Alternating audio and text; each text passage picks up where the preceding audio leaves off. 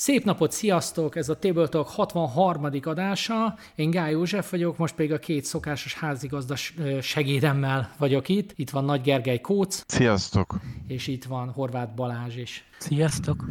Mostanában így ritkán vagyunk, ez főleg az én hibám, mert meló meg egyebek miatt nem, nem szüntünk meg továbbra sem. Nyáron kifejezetten keveset leszünk, remélem ősszel többet, most már egyelőre kb. ezt tudom megígérni, hogy szeretnék ősszel több adást, aztán majd meglátjuk, hogy hogy leszünk. Beszéljünk, ha már éppen aktuális a Spiel des Jahresről. Mi a véleményetek róla? Én élőben sikerült elcsípnem. A felvétel időpontjához képest tegnap volt egyébként a bejelentés, és nagyon vicces volt nézni a német adást. Hát a Challengers nyerte ugye a Kenner Spielt, és a Dolph Romantica a Spiel des Jahres-t, és annyira vicces, amikor az ember BGG megnézi, hogy a Challengers nevű Autobot lejátékot egyébként más csomó díjat kapott ezen kívül, de ott Party meg Family Game kategóriába jelölték. Tehát a BGG userek értékelés alapján a Spiel des Jahres jelölt Dolph Romantic 1.7, a Kenner Spiel pedig 1.8 jelenleg. Érdekes az, hogy gyakorlatilag nagyon németül tudok, szerintem felejtsék el ezt a connoisseur McKenna kifejezést. Valójában a Kennerspiel az, rájöttem, utána olvastam, az a következő lépcsőfok a Spiel után, tehát úgy tűnik a zsűri, hogy gondolkodik erről, hogyha valaki Spiel kategóriát jól ismeri a család, akkor Kennerspiel a következő lépcsőfok. Nem tudom, ezt, ezzel az érveléssel ti hogyan látjátok a Kennerspiel jövőjét? Az biztos egyébként, hogy az igazán komplex játékok azok nem tudnak labdába rugni, de érdekes módon azért volt itt egy-két olyan jelölés is, amit én már mindenképp a komplexebb kategóriába sorolnék, tehát ha jól emlékszem, a Master a formálása és az Underwater Cities is jelölt volt a Kennerspielre. Ami olyan szempontból érdekes, hogy azért ők egy nagyon más tartományban mozognak, mint az utóbbi néhány év tipikus Kennerspiel nyertesei. És, és itt megjegyezném, hogy a Terraforming Marsot az Exit győzte le, mint Kennerspiel jelölt, egy szabaduló szobás játékot. Az Élő Erdő, nem tudom mi a fordítása, az a Dűne Impérium, hogy győzte Ébredő le, Erdő. Ébredő Erdő, köszönöm. És a Paleo nevű nagyon szuper kis kooperatív játék pedig az Arnak elveszett Romeo győzte le, mint Kennerspiel jelölt. Tehát még hogyha el is jut egy gamer kategóriában elismertebbnek számító játék a jelölésig. A historikus adatok alapján a kicsit szélesebb közönségnek szóló ugródeszkaként szolgáló játékok úgy tűnik, hogy jobban a zsűri tetszését Érdekes, az én, az én szememben az Arnak lenne az ideális Kennerspiel jelölt. Az az, amit gond nélkül, aki már játszott öt modern társasjátékkal, akármilyen könnyeddel, az szerintem az Arnakot már könnyedén megérti, és tud vele játszani. Abszolút nem egy bonyolult játék, de nagyon jó játék. Én látok azért Ki tudja, még az is lehet, hogy fönt lesz a mai listámon. Én látok egy ilyen kooperatív, minek mondjam, biased, mi is a biased magyarul. Előítélet. Elfogultság Kooper- esetleg elfogultságot, tehát a Paleo kooperatív az annak nem az. Jó, mondjuk az Imre pont kompetitív, de az Exit is egy kooperatív élmény Marshoz képest. Érdekes lenne erről egy statisztikát készíteni, hogy a, de valamiért most nem néztem rendesen utána adatokkal, de szerintem amúgy nem csak a könnyedebb ugrójátékok képezik a szimpatikus jelölteket a zsűri szemében, hanem a kooperatív is. Inkább pozitívum most azt mondanám, mint egy negatívum, hogyha Spideszjáretre beszélünk. És csak lehet, akartam még ez lehet csak említeni, hogy lassan nem, nincs értelme nézni ezt a díjt a game gamereknek, hanem javasoljunk más díjakat, amit a gamereknek érdemes követniük, hogyha... Hát amikor Hát akkor én els, elsőként rögtön javasolnám a Golden Elephant díjat, már csak azért is, mert felélesztésre került. Néhány héttel ezelőtt hirtelen a Heavy Cardboardnak a házigazdája Edward úgy döntött, hogy kiosztja a 2020-as, 21-es és 22-es díjakat is, mert ugye 19 óta nem volt a díj kiosztva, és most akkor egy nekifutással gyorsan Pont, Egyébként én is, pont a, én, is, én is pont a Heavy Cardboard díjat mondtam volna, hogy na, akkor tessék, komplex játékok, akkor itt van. Na mesélj akkor a, hogy van, 20-21-22? Igen, hát a mai témánk az ugye az lenne, hogy egy új top 10-es listát állítottunk föl a viszonylag friss, viszonylag új keletű játékokból, ami a 2020-as vagy annál frissebb megjelenésű magunk között munkanéven post-covid játékok, bár nyilván azért 2020 eleje az még nem post-covid éra volt, de azt hiszem, hogy az mindannyiunk életében egy nagy vízválasztó volt, úgyhogy ahhoz lehet ezt könnyedén kötni, és a társasjátékos kultúrában is szerintem egy elég nagy vízválasztó volt, mert egy nagyon nagy felfut pályafutást jelentett a sokak által otthon töltött idő alatt. A társasjátékok nagyon sokat nyertek a népszerűségükhöz. Hát egész konkrétan a rági adatok szerint konkrétan olyan szinten ugrottak meg a társasjáték eladások 2020-2021-ben, hogy az utána következő egyik év még visszaesés is volt globális szinten egyébként. Igen, pont tavaly, nem volt pont, pont, pont, pont tavaly volt nagyon durva visszaesés 22-ben. A társasjáték, mint hobbi, folyamatosan egyre több, több és több játékot adnak el évről, évről évre, és ez pont a tavalyi vagy tavaly előtti év törtem meg, azért, mert akkora volt a Covid ugrás, hogy azt utána egy kicsit volt egy kis korrekció. Hát meg ugye ilyen válsági, meg egyéb dolgok, hogy most így, tehát ugye a COVID, post-Covid időszak válsága, meg az egyéb dolgok, azért azt elég rendesen így megbolondították. Én, amikor voltam ki Nürnbergbe, akkor erről volt szó, hogy most nem voltak olyan jók az eladások 22-ben. Abszolút igazad van, Kócz, hogy igen, 2020 Covid az a társasjátékiparnak kicsit ambivalens módon jót tett. Igen. Egyébként és... ugye sokan például nekiálltak társasjátékot tervezni is egyébként. Amit szeretnék mondani a listával kapcsolatban, abba egyeztünk meg, ez egy kicsit így felborította a koncepciónkat, de abba egyeztünk meg, hogy nem lesz benne second edition, rework, reboot, hasonlók, úgyhogy én egy kicsit nehezebb lett volna, nehezebb lett így kicsit listám. Az eredeti elképzelésem szerint a lista az úgy nézett ki az én verzióm számomban, hogy az elsőt, amiket ki, én ugye, mint tudjuk, mint létadopter, tehát nem, nem mondok ebből újdonságot, én azért relatív az új játékokkal csak játszogatni szoktam, nem szoktam rögtön a kedvenceim közé kerülni, tehát eltart egy darabig, míg azért ők beintegrálódnak. Úgyhogy alapvetően a régi listám az úgy nézett ki, hogy öt olyan játék volt rajta, amit kifejezetten nagyon szeretek, és bármikor ajánlok, és öt olyan, amiket játszottam vele, és nagyon szerettem. Ez most picit változott, úgyhogy egy kicsit próbáltam olyan játékokat rakni a listámra. Mindegyik listára legalább 8-ast adtam, tehát azért ez nekem egy alapfeltétel volt, hogy azért mégiscsak egy top 10-ben ne rakjak ilyen heteseket, hatfeleket, hatokat. Én nagyjából egy ilyen 40-45 játékkal játszottam biztosan, amit értékeltem és BGG-n, úgyhogy most olyan olyanokat raktam, hogy például egy kicsit ilyen szé, elmentem ilyen téma irány, nem téma, ilyen típus irányba. Tehát ugyan a legtöbb játék ilyen kettő-négy fős, de azért próbáltam ilyen má, különböző irányokat megcélozgatni a listámmal, tehát nagyjából így a top 3-4 emen kívül nagyjából azonos szinten voltak a játékok, és ilyen érzésből csináltam a listámat, de próbáltam valahogy így szétirányozni, hogy mindenki esetleg találjon valami érdekességet a, a, a játékok közül. Én nekem nagyon egyszerű mindig a top 10 alkotás, mármint lista alkotás, mert szétnézek a polcomon. Tehát nekem mindig az, az elsőleges, hogy elvileg, ha szeretek egy játékot, gyűjtőként biztosan meg is fogom venni. Nem okozott Úgy... most nehézséget, hogy a polcodon nincs feltétlenül mindegyik játék föl címkézve évszám szerint? Erre való BGG.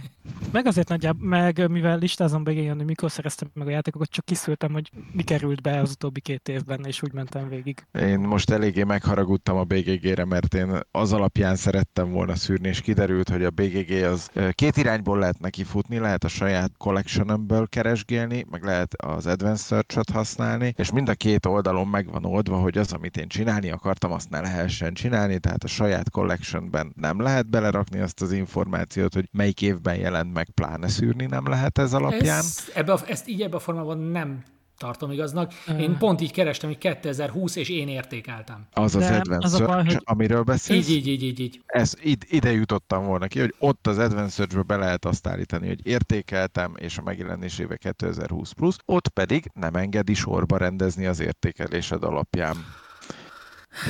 Igen, igen, ez igaz. Ugye? Ez valahogy, igaz. Gáncsolj, valahogy gáncsoljuk el azokat a gaz usereket, mert még olyat csinálnának, meg, hogy na. Én meg ráadásul csak szemmel néztem végig, és néha belestem a hibákba, hogy beírom mindig a verziós, verziót is, és az ott van egy külön kis címkében, és a Scoutot majdnem felraktam a listára, mert én a második kiadást tettem meg, ami 2021-es szám, lecsekkoltam, és hoppa, az 2019. Ó, ezt nem is tudtam. Ja, igen, Scoutot a szerettem. Scoutot szerettem.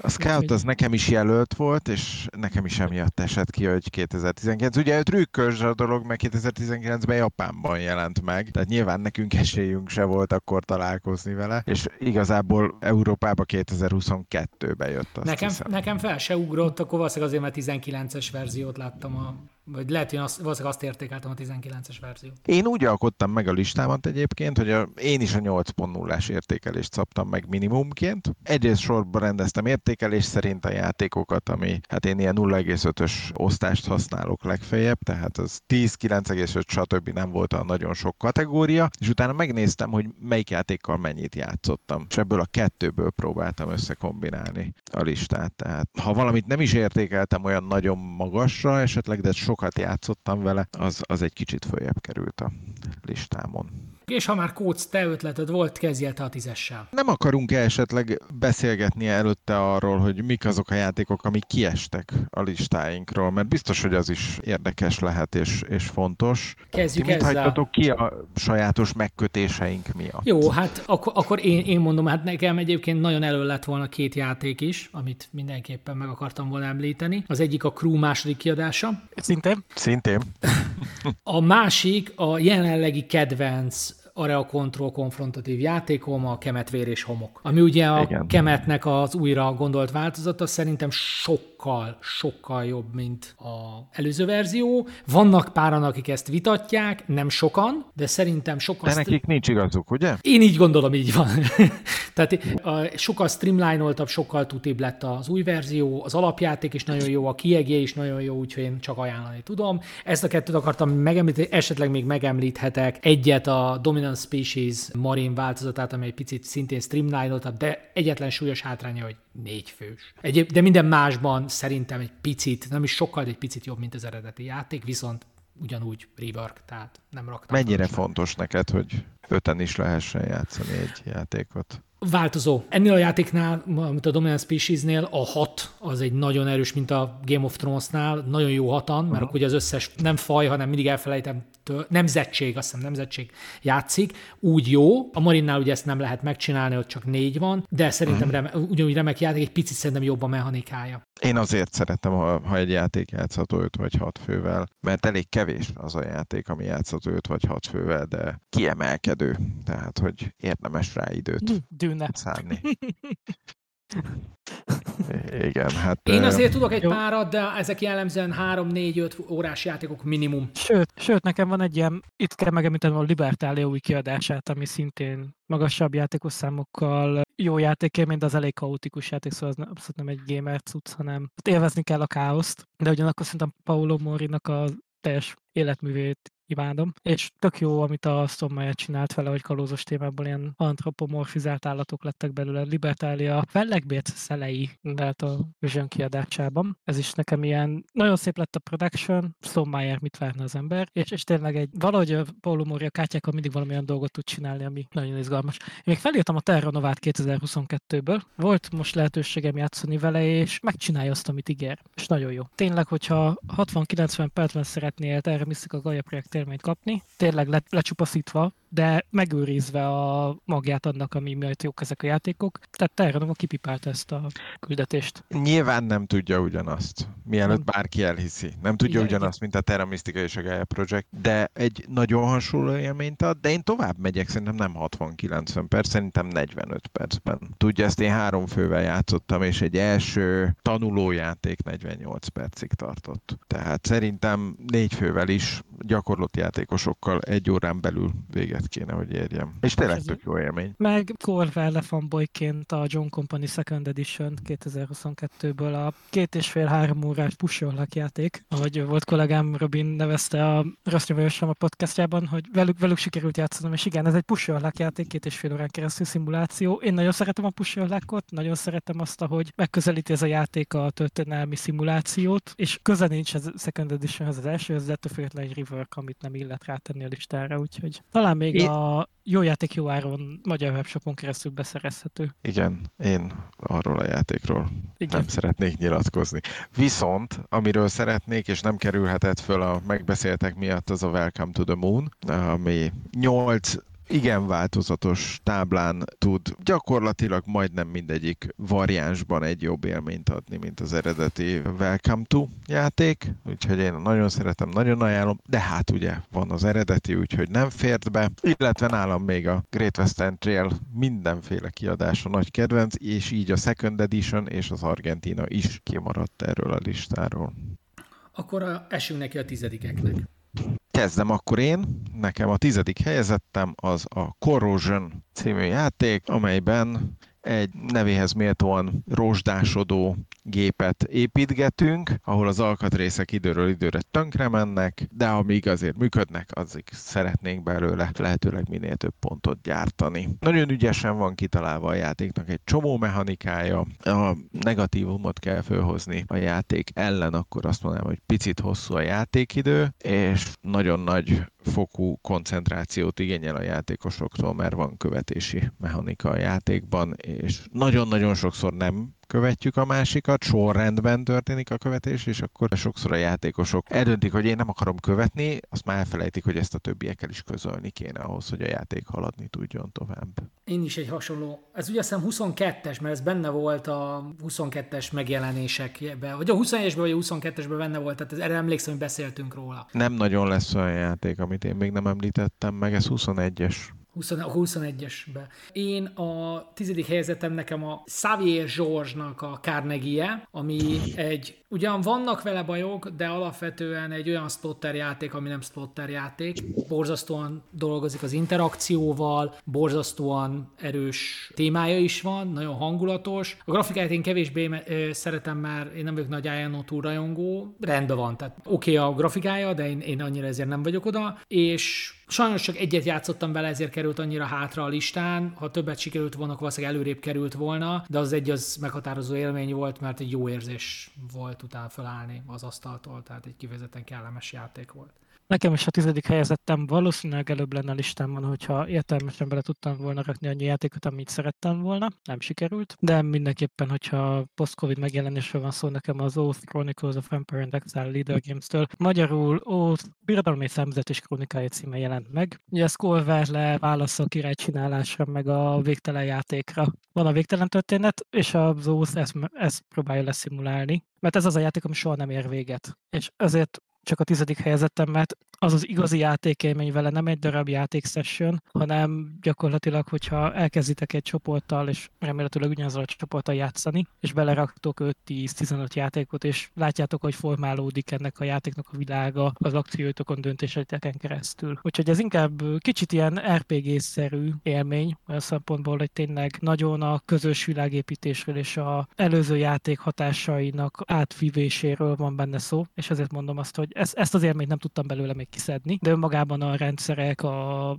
világépítés meg a mechanikák, amikkel dolgozik, az nekem nagyon-nagyon a my cup of tea, az én csészetem, hogy úgy mondjam. Úgyhogy még várom azt a két-három másik játékost, akivel együtt heti rendszerességgel lószól tudnék játszani, de még, még így is nekem ez, ez abszolút tizedik helyet megérte. És na, izgatottan várom az Arx-ot 2024-ben. Hát ez a szokásos leader games-től. A Kai felé át fel kell, ami tudom, Józsi, te nem annyira a chips. Már kezdem megszokni. Már túl vagyok az első root játékomon is, úgyhogy már kezd, kezdem megszokni. Hát meg benne van a Corvellének a kis, minek mondjam, kézegyei, hogy kockadobással véget tud érni a játék, vagy hogy alakul, meg, meg a kombat is azért erősen kocka alapú, de számítható aki szereti a Corvelle munkásságát, és az nagyon fontos, és legyen hozzá társaság, akikkel rendszeresen elő lehet venni, mert akkor mutatja meg a szép arc, a legszebb arcát az ósz. Na, Józsi, Szerintem ele- eleget ajnároztam az ócot. Mi a kilencedik helyezetted? A kilencedik helyezettem, először azt hittem, hogy ez egy indie game, aztán utána néztem, hogy ahhoz képest annyira nem is indie, hogy Pandasaurus, meg ILO, meg Cémon is kiadta. Viszont annyira obskurus, hogy eddig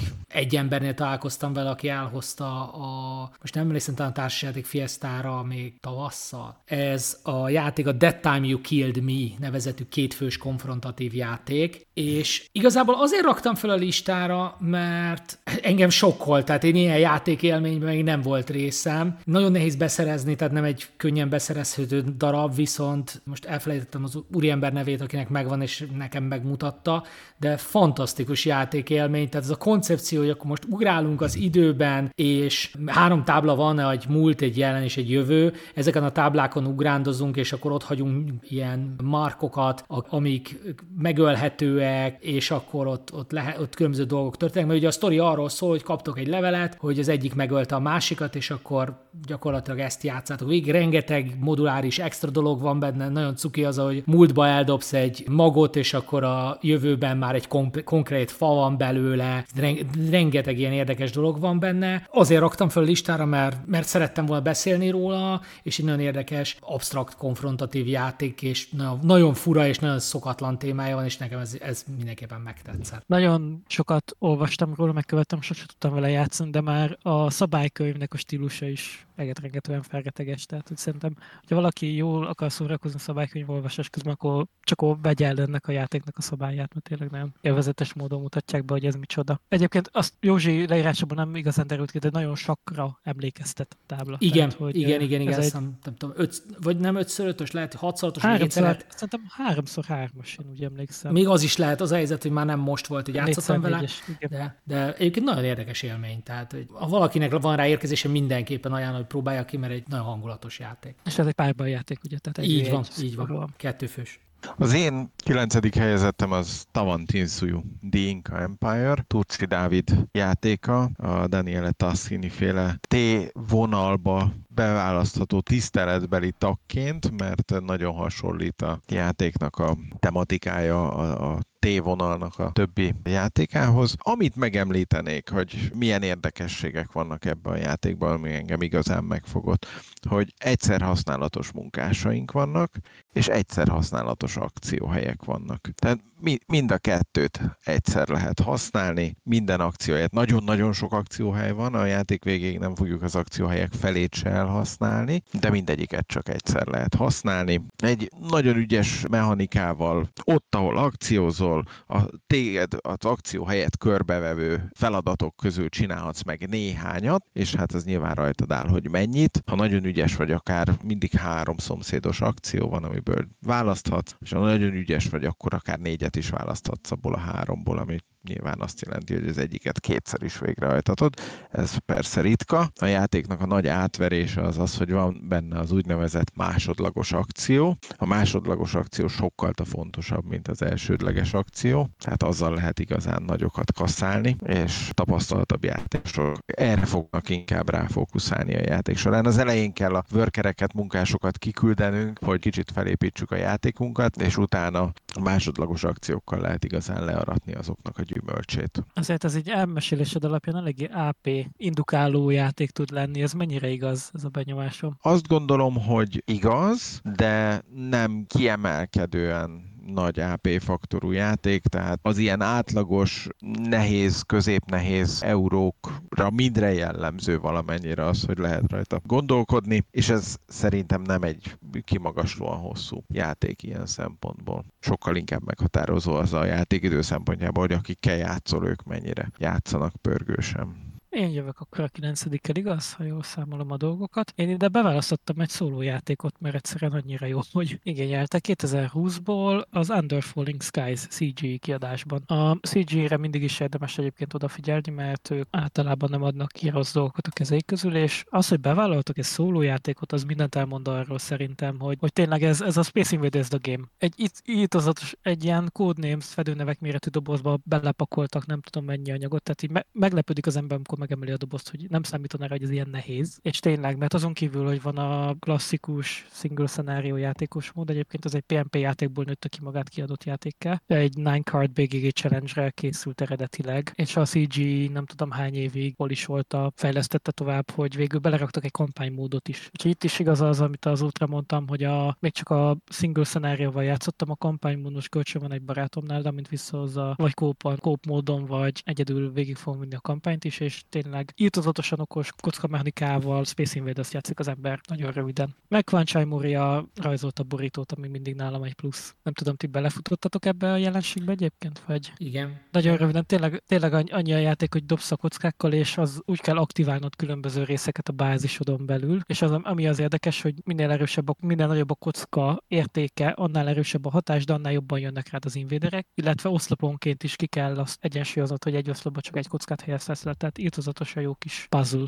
Én nekem sajnos a szólójátékok teljes mértékben kívül esnek a látókörömön. Szintén egyébként, de találkoztam, hallottam a játékról, nem ismeretlen számomra. Egyébként most csak egy érdekességképpen, hogy azt hiszem most a Climbersen éppen a múlt heti, nem az e-heti, a múlt heti Climbersen például egy szólójáték ugrotta a legelsőt a Mr. President, ami egyébként egy baromi nagy táblás játék, de szóló, és 2001-től 2020-ig kell az elnök, tehát a amerikai Egyesült Államok elnökével játszani. Úgyhogy most a szól, csak a szólóval kapcsolatban, hogy a szólójátékok azok, illetve a szólózható játékok, tehát ez egy-két fős, egyfős játékok egyre egyre népszerűbbek önállóan. Nem csak az, hogy szóló mód, meg ilyesmi, hanem tényleg léteznek önálló szólójátékok is. Igen, és az én személyes preferenciám egyébként az ilyen kicsi lábméretű vagy asztalméretű szólójátékok, tehát tényleg ami kicsi a doboz, könnyen előpakolható, könnyen játszható. Nem azt mondom, hogy nem próbáltam meg a Kanban EV-t szólóban, de ezt fel is, és, és adtam fel, de abszolút. Miért Még- adtad fel?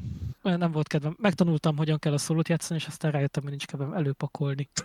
És mi az konkrétan manipulálni a Mr. Tuts és Mr. Lasserdát a táblán. Még mindig nagyon élvezem a társas játék szociális aspektusát, és a Kanbanban különösen nagyon jól lehet azon szórakozni, mit csinál, meg hogyan csinálja, csinálja a többi játékos a dolgát. És mondom, ugyanakkor meg nekem élethelyzetből fakadóan néha csak szólóra van idő, és akkor meg jók ezek a pici agyégető dolgok, amik könnyűek, gyorsak, de azért megadják ezt a fajta stimulációt. Úgyhogy 9. helyzet, Under Falling Skies. Szerintem akkor folytathatjuk is a nyolcadik helyezetteddel. Ez egy nagyon nehezen beszerezhető játék. Egy valós idei kóp, ami nekem mindig is a szívem csücske volt, a, és a Szellemek szigete Spirit Island designerétől, For Science 2021-ből a Grey Fox kiadásában. Írtozatosan viccesen, ez is egyébként az a sztoria a játéknak, hogy a CG-nek ezt a pályafutását, a CG azt mondta, nagyon sokat segített a játékfejlesztésről, végül azt mondták, hogy bocsi, nem tudjuk ezt a játékot kiadni, mert egyszerűen nincsen, nem, nem tudjuk hogyan piacra az annyira fura, meg annyira fura dolgok vannak benne, és végül volt egy közepesen sikeres Kickstarter, és azóta sem volt second printje. De ugyanakkor meg ilyen hatalmas nagy fablokkokkal kell vakcinákat gyártani, és validálni variable player power és utána még egy ilyen karkasszonszerű játékban kell a vakcinákat, meg a vírusokat szekvenálni, a DNS-üket. Szerintem én ezt láttam, ezt a játékot. Tehát ilyen- táblán, ilyen vagy képzel- asztalon. Képzeljétek el, képzeljétek az óvodásoknak ezek a nagy fa, fa dolgok, korongok, hasábok, körök, különböző alakzatok, és kapsz egy dizájnt kártyákból, és azt kell megépíteni, és ami nagyon izgalmas a játékban, hogy hiába van egy dizájn előtted kártyából kirakva, az többféleképpen is meg tudod valósítani a valóságban. Tehát ez egy ilyen itazatosan 3D-s készségeket igénylő valós idejű kópjáték. Tehát szerintem amúgy Erik erről a szellemek szigete, meg ezen kívül azóta nem is adott ki semmit. Tehát, hogy ez a, ez a designer tényleg évekig dolgozik ezeken a játékélményeken, és a Force is látszik a munka, amit nagyon sokáig beleraktak, de mondom, ez egy nagyon fura dolog, hogy egy ilyen dexterity element is van benne, valós idejű tile laying, variable player power, az jutazatosan jó poénok vannak benne a különböző labor kutatóknak a képességei kapcsán, úgyhogy tényleg egy nagyon-nagyon fura, nagyon-nagyon jó valós idejű kópélmény, hogyha bárhol még meg lehet találni. Force Science 2020, Grey Fox Games, ők, ők adták ki. Ebből Balázs most lehet, hogy kéne csinálni majd egy szinkronizált verziót is, ahol magyarul is elmondod. Ja, túlságosan anglisul beszéltem. Hallgatóink De- szerintem meg fognak vele birkózni. Igen. Valószínűleg a többség, igen. Én a valóban absztrakt, bár ugye az előző is absztrakt volt, tehát én ezt tekintem a lista absztrakt szereplőjének. Az én nyolcadik helyezettem egy Uwe Rosenberg játék egyébként, a Sagani. Sokan mondták, hogy Nova Luna, stb. Én nem játszottam a Nova Lunával, ellenbe játszottam a Saganival, és nagyon tetszett, nagyon hangulatos volt ezek a különböző kis szörnyecskék, akire lehetett pakolgatni. Mindenféle korongokat. Tetszett ez a koncepció, hogy így ilyen egymáshoz képest kell lehelyezgetni, ez majd később érdekes lesz, egymáshoz képest kell lehelyezgetni dolgokat, és akkor azok egymást így aktiválgatják, és akkor így előbb-utóbb ugye, már megfordítasz valamit, akkor felszabadulnak a korongok, újra felhasználhatod őket. A grafikája is tetszett, hangulatos is volt, ugyanígy Fiestán leültem, nagyon cuki volt, jól éreztem magam, egy jó játékélményt adott, csak én alapvetően nem vagyok abstraktos, tehát kell valami, ami miatt az abstrakt élmény az nekem jó. Itt a grafika, meg ez a pozicionálgatás, ez az, ami így, így utólag, tehát miután leültem, hogy valószínűleg fél óra, tényleg kb. annyi volt, utána azt éreztem, hogy, hogy igen, ez egy tök hangulatos játék, el szívesen leülnék máskor is. Ez az én abstrakt jelöltem, hozzáteszem, tényleg sok más abstrakt játék jött ki az elmúlt két-három évben, amik nagyon jó, díjazottak is voltak, stb. Én nekem ez volt az, amit kipróbáltam és tetszett. Olyan szempontból mindenképpen helytálló a döntésed, hogy ebből a Uwe Rosenbergnek ebből a ciklusából, amiben a Nova Luna, a Sagani és a Framework sorolható be, biztos, hogy ez a legcukibb, legkevésbé absztraktnak kinéző játék. Tehát a másik kettő az ennél sokkal szárazabb.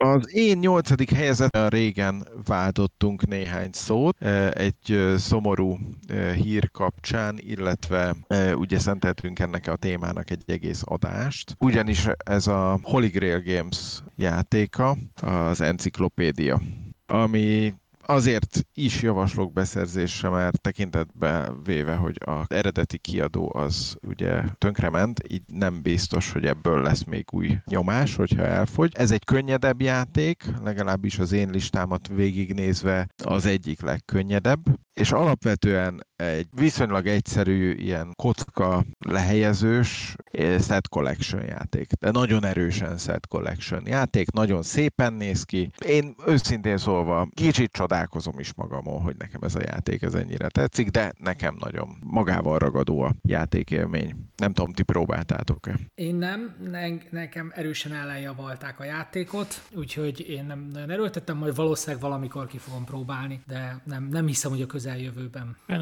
sem adtam el még hozzá akkor nekiesek a hetesnek. Az én hetedik jelöltem, mint ahogy említettem, szeretem így egymáshoz képest lerakosgatni a lapokat. Ez sok játékban valahogy megtetszett nekem. Úgyhogy a Tableau Buildingnek egy új képviselőjét raktam, ez pedig az Earth, vagy Föld, amit ugye magyarul a GameCube adott ki, az Inside Up Games ugye egy Kickstarter keretén belül. Az a helyzet, hogy eddig kétszer játszottam a játékkal, külön vicces, hogy sajnos az alaplapok közül hiányzott 7 darab, azt, vissza, azt meg kellett rendelnem, az Island kártyáimból hiányzott, hashtag megjött épp, épségbe, úgyhogy most már megvan mind a 10. Az a helyzet, hogy nekem nagyon tetszik, vannak vele bajok, tehát most szeretném kijelenteni. Azok az emberek, akik imádják a Terraforming Marsot, tehát a Mars terraformálását, igen, ez nem egy TM, tehát Terraforming Mars killer, valóban nem, ez egy tablóépítő játék, amiben egyébként nagyon érdekes, hogy mivel foglalkozol jobban az engine építésével, vagy a pontozással, mert ugye 16 helyed van azt hiszem. Kicsit fura ez a mechanika benne, hogy, hogy sorban balról jobbra, föntről lefelé kell végrehajtanod az ilyen aktiválódó eseményeidet. Ez engem egy kicsit zavar, mert egy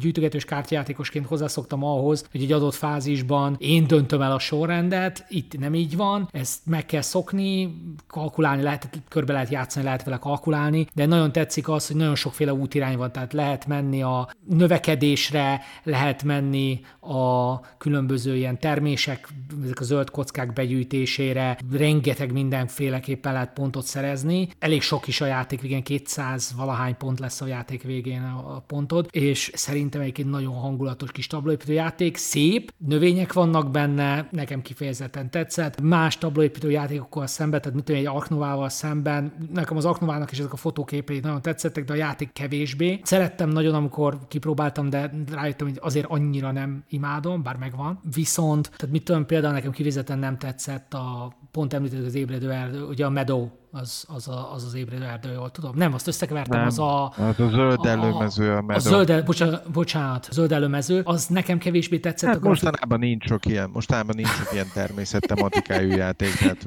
viszonylag nehéz összekeverni őket. I- igen, igen. Az a helyzet, annak nem tetszett annyira a grafikája, túlságosan nekem egy kicsit kaotikus volt, ez nekem jobban mert tudom, ezek fotók főleg, de nagyon, vagy legalábbis ilyen manipulált fotók, de nekem nagyon-nagyon tetszett a játékmechanika is, és a kártyák is nagyon szépek meg azt mondom, sokféleképpen lehet vele játszani, és ez így nagyon hangulatos volt nekem, úgyhogy jelenleg nagy kedvenc egyébként, de most ugye a hetedik hely, mert még mindig csak kétszer játszottam vele, de nem próbáltam ki, négy ember azt mondja, ketten jobb. Úgyhogy egyelőre a hetedik helyen a föld. Én három fővel tudtam kipróbálni, és utána azt mondtam, hogy köszönöm, maradok a Fesztávnál, meg a Marsnál. Igen, azt szokták, mond, többen is mondták a Fesztávot is. Nem, ez személyes de... preferencia, tudom, tudom.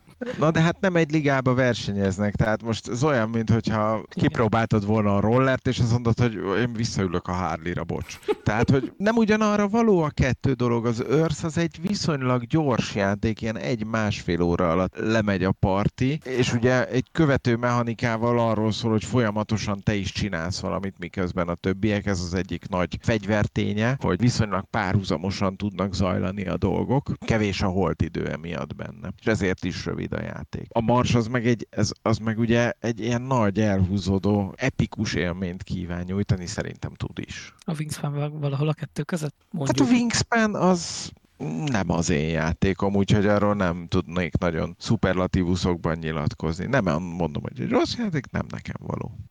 Én, én nekem is megfordult a fejemben az őrsz, az én listámra végül nem került fel, mert én nem éreztem benne azt az átütő erőt, de azt nagyon látom benne, hogy miért tetszhet nagyon sokaknak, és Igen, fog is nagyon sokaknak tetszeni. Igen, hogy nagyon-nagyon megvan neki a közönsége, és széles a közönsége, és nagyon sok embernek fog ezt tetszeni, abszolút, ebben én is egyetértek, csak én is úgy voltam vele, hogy valahogy nekem már nem, nem mutatta meg azt az oldalát, ami miatt a tablóépítést szeretem. Mármint, hogy nem, ne, nekem nem kompetitív. Igen, én rollerezni, én a kicsi, pici játékokkal szeretek inkább rollerezni. Tehát, hogyha most egy órát játszunk, akkor inkább, inkább rakjunk bele egy Terranovát. Érdekes, tehát szerintem a Terranovával tök pariban van, tehát, hogy hasonló mélységű játékélményt ad, vagy talán talán még kicsit többet is, mint a Terra Nova. És neked mi a hetediket, Balázs? Nem véletlenül említettem a pici cuki játékokat. Ez egész egyszerűen a Covid óta én inkább vagy szólózok otthon, vagy a győrításos klubban játszom. Ott tudok nagyobb falatokkal, falatokat legyűrni, vagy, vagy barátokkal csak az ilyen nagyon kicsi dolgok férnek bele. És egyre jobban értékelem a pici fun játékokat, és a hetedik helyzetem az a Kabuto Sumo az Allplay-től 2021-ből, ami egy dexterity játék. Quanch... Ügyességjáték. De ugyanakkor meg nem kell hozzá gyorsnak lenni. Ugyanúgy Quanchai Moria rajzolta a dolgokat, az már sokszor említettem, hogy nekem egy ilyen értezatos plusz, tehát hogy én gyakorlatilag hajlandó vagyok meg, na, ez nem igaz, de hogyha ő rajzolta a borítót, szerintem ötször valószínűleg, hogy megveszem a játékot, mint, mint egyébként. És a Kabuto Sumo pedig arról szól, hogy vannak bogarak, amik szumóznak, a bogarakat ilyen kis fa mépülök jelzik, amik laposak, telepakoljuk a sumo ringet, ami punch kinyomóívből van felállítva.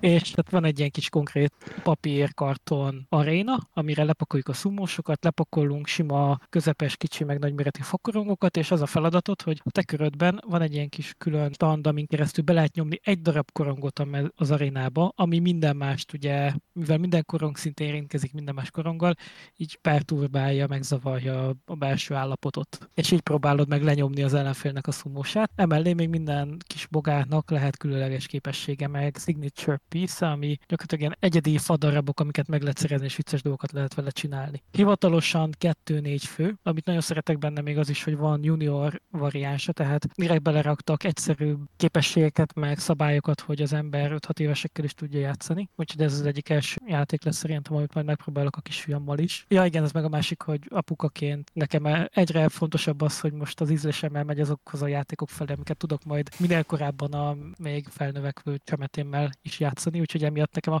Kabuto Sumo az most ilyen abszolút top listás játék arra, hogy majd a kisfiammal játszam. És nagyon fan. Ke- hivatalosan mondom 2-4, de ez párba játékként az igazi szerintem. Allplay, a boardgametables.com adta ki, azóta már brandet váltottak, és Allplay-re keresztelték át magukat, és egyébként nagyon érdemes odafigyelni rájuk, mert írtozatosan tolják ki magukból a jobbnál jobb játékokat. Ők azok kiadó, akik mindig három játékot visznek egyszerre Kickstarterre, és, és általában van közte jó, a QE-t is ők adták ki, az On Tour, talán még ami izgalmas tőlük az a, hogy amire felfigyelnek az az emberek, nem is, most én nem tudok mit mondani, nekem a kínálatokban mondom a Kabuto Sumo az, ami post-covid érában nagyon betalált. QE, ez a quantitative easing lenne? Igen, igen, igen, igen, igen, igen. Az egy, az egy érdekes játék.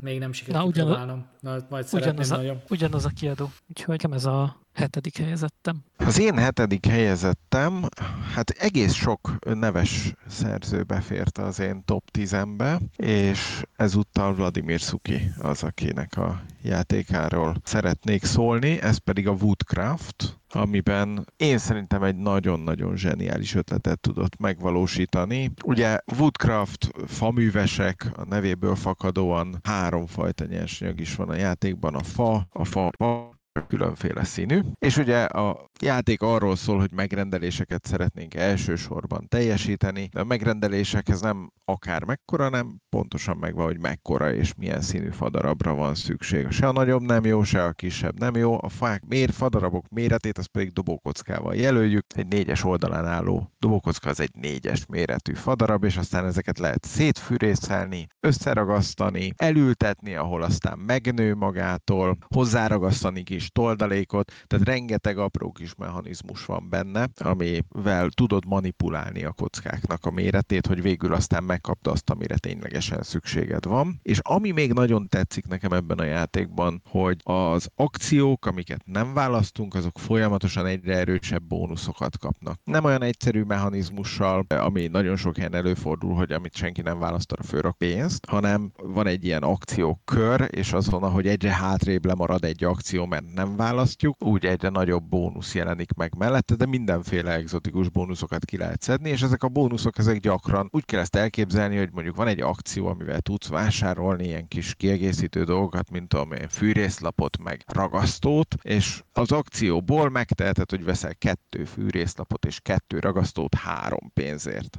És simán előfordul egy olyan bónusz, hogy kapsz egy fűrészlapot, meg egy ragasztót, meg még egy kis hulladék fadarabot ingyen, csak bónuszban. Tehát tehát anélkül, hogy pénzt fizetni érte. Tehát a bónuszok ténylegesen összemérhetők a, az igazi fő akciókkal, és ez is egy különös ízt ad a játéknak. A témát nagyon szeretem, de sajnos még nem sikerült kipróbálni a játékot, úgyhogy én majd, majd valamikor azért remélhetőleg lesz ráérkezésem, mert engem a téma miatt érdekel. Igen, mindig értékelem, amikor a dobókockákon csak az értékek számítanak, és nem kell velük dobni. Még talán annyit érdemes elmondani róla, hogy elég szigorú játék olyan szempontból, hogy 13 vagy 14 akciód van játékos számtól függően, és azt nagyon meg kell fontolni, hogy mire fordítod, mert nagyon nem jut mindenre elegendő, tehát föl lehet venni mondjuk segédeket, föl tudsz a játék során venni egy segéddel, indulsz, föl tudsz venni még ötöt, de egy segéd felvétel az egy akció. Ezek ugye a további akcióidat fogják erősíteni a segédek, tehát tök hasznosak. De ha belegondolsz, hogy 13 akciódból elköltesz 8-at arra, vagy 5 arra, hogy a maradék 8 erősebb legyen, hát az már úgy önmagában azért elég nagy része a játéknak. És ez csak nyilván csak az egyik aspektus, amit tudsz fejleszteni, mert nagyon sokféle lehetőséged van, sok irányba tudsz elmenni, és nagyon nem lehet mindent csinálni benne. Mi a hatodikad? Az én hatodik helyzetem az egy olyan játék, amivel igazából még nem találkoztam, csak egy print and play verzióval játszottam, ami hát nem teljesen print and play verzió, hanem valaki házilag legyártotta a játékot, és alapvetően én ezt nem szeretem. Na de abban az esetben, hogyha a játék fizikailag beszerezhetetlen, mert nem hajlandók elhozni Európába a játékot, akkor én azt gondolom, hogy addig áthidaló megoldásnak kiválóan alkalmazható az, hogy valaki ezt legyártja, és ki tudjuk vele próbálni a játékot. Ez a játék pedig a tematikának Schrödinger macskáját választó Cat in the Box, amiről ugye már meséltem. Érkezik, érkezik, ha minden igaz. Ugye, akkor hadd had említsem meg, hogy nekem is az a hatodik, amely is beszéljünk akkor együtt róla. Mert nekem van Jó. egy példányom. És honnan van példányod? Te biztos jártál valahol külföldön. Így van, külföldi konvencional sikerült venni. Egyébként először 2021-es eszemben láttam, ha jól emlékszem, vagy 22-esben. Lehet, hogy tavaly, tavaly eszemben lehetett kapni, és most volt szerencsém másik konvencionon hazahozni egy deluxe példányt belőle. Úgyhogy nekem is az a hatodik helyezettem, ez egy csodálatos egy, egymásra találás, úgyhogy beszélgessünk a Cat in the Boxról. És hogyha szeretnél játszani az igazi deluxe példányjal, akkor beszéljünk egy játékkal. egy, egyébként nagyon érdekes, mert ugye ütésvívős játékról van szó, és ezért én is na, alig várom, hogy végre tudjak vele játszani, mert nagyon ki akarom próbálni. Remélhetőleg majd hozzájutok. Ráadásul ez egy olyan ütésvívős játék, ami nagyon közel áll a klasszikus ütésvívős játékokhoz, tehát aki azokon cseperedett, azokba beleszeretett a korábbi előélete során, az nagyon jó eséllyel fogja szeretni ezt a játékot. Ugye a játéknak a központi eleme az az, hogy nincsen a kártyáidnak színe, legalábbis a kártyára magára nincsen rárajzolva, azt neked kell eldönteni, hogy melyik kártyád milyen színű, de olyan kártyát tudsz csak kijátszani, amit még nem játszott ki senki. Tehát ha valaki már kijátszotta a sárga hatost, akkor a te kezedben lévő hatos az már biztos, hogy nem sárga. Hova tovább? Csak négy szín van a játékban, de mindegyik számból öt darab van, úgyhogy az ötödik hatost azt nem fogod tudni kijátszani, mert annak már semmiképpen nem lesz semmilyen színe, mert addigra minden szín elfogyott. Megteheted bármikor azt, hogy úgy döntesz, hogy én most adóval ütök, de a szabály az adóval ütésre az az, hogy csak akkor üthetsz vele, hogyha vagy már volt adu kijátszva, vagy pedig a hívott címből neked nincs. De mondhatod bármikor azt, hogy nekem nincs a hívott címből, csak akkor azt jelezned kell magadnak, hogy nekem ilyen színű lapom nincs, és többé olyan színű lapot nem játszhatsz ki a kezedből. Tehát ez egy saját, ez egy erőteljes megkötést jelent. És igazából ilyen ütés vállalós játék, ahol szeretnél annyit ütni, amennyit vállaltál, úgy, hogy közben azért egy nagyon erős fókuszt kap az, hogy ne kerüljél paradoxomba, azaz ki tudjál játszani minden ütésbe kártyát, ne legyen az, hogy csak nem létező kártyák vannak a kezedben, mert hogyha ez megtörténne, akkor azonnal kiesel a játékból, és még egy adag negatív pontot is kapsz a nyakadba. Szerintem az ötlet az borzasztóan zseniális, és meglepő módon a játékelmény is nagyon jó, ami ebből született. Próbáltad ketten? Nem, ketten nem próbáltam. Na, én Három és négy fővel. Három, négy és öt fővel. Játszottam ketten, és ketten is tök jó. Ott azt az aspektusát veszíti el a játék, hogy nem kell előre megmondanod, hogy hányat fogsz ütni, ami azért egy, az egyik legizgalmasabb része tud lenni ezeknek az ütésfős dolgoknak. Cserébe négy ütés alatt kell maradni, hogy megszerezd a bónuszt. Uh-huh. És amit nem mondtál el, Kóc, hogy nagyon izgalmas, hogy ugye van egy ilyen kis sáv, amire leteszed a kis tokeneddel azt, hogy milyen színű ütést vittél el, és abból kell kiépítened magadnak egy kis arra a kontroll jellegű dolgot, amit bónuszként le tudsz pontozni magadnak, hogyha elviszed a megfelelő ütésszámodat. Tehát belecsempésztek még egy ilyen kis icipici ilyen tér elemet is a játékba, ami nem is értem, hogyan fért bele ahhoz képest, hogy mennyire elegáns és egyszerű maga a játék. Úgyhogy nekem is az Igen, igen ha, van, ha van negatívum a játéknak, és szerintem nem nagyon van, akkor az az, hogy alapvetően, hogyha erősebb lapot kapsz, akkor azzal több ütést tudsz csinálni, és a játék díjazza azt, hogyha több ütést csinálsz. Ez talán egy kicsit szerencsétlen része a játéknak. De illetve, nagyon minimális a hatása. Illetve nem tökéletes benne az információ, mert kidobunk a pakliból lapokat, illetve minden játékosnak szintén kell egy lap kezében marad, egyet pedig eldob a ütések elkezdése előtt, úgyhogy lapszámolósok nincsenek előnyben. Csak nem tudnak mindent előre kiszámolni. De például, hogyha eldobtál egy hatost, akkor fogod tudni, hogy a másik hatosodat azt bátran tartogathatod akár meddig, mert nem fognak elfogyni a hatosok. Igen, a lapszámolósok saját magukat tudják segíteni ilyen szempontból, igen. De nem publikusan dobjuk el, fejjel lefelé dobjuk el emlékeim szerint. Úgy. Igen, igen, azt, igen. Azt, azt csak azt tudod, tudod, hogy te mit dobtál el. Igen, hát, igen. Vagy legalábbis engedélyezed, hogy megjegyezd. Igen. Hogy maradjunk a macskáknál, Yeah.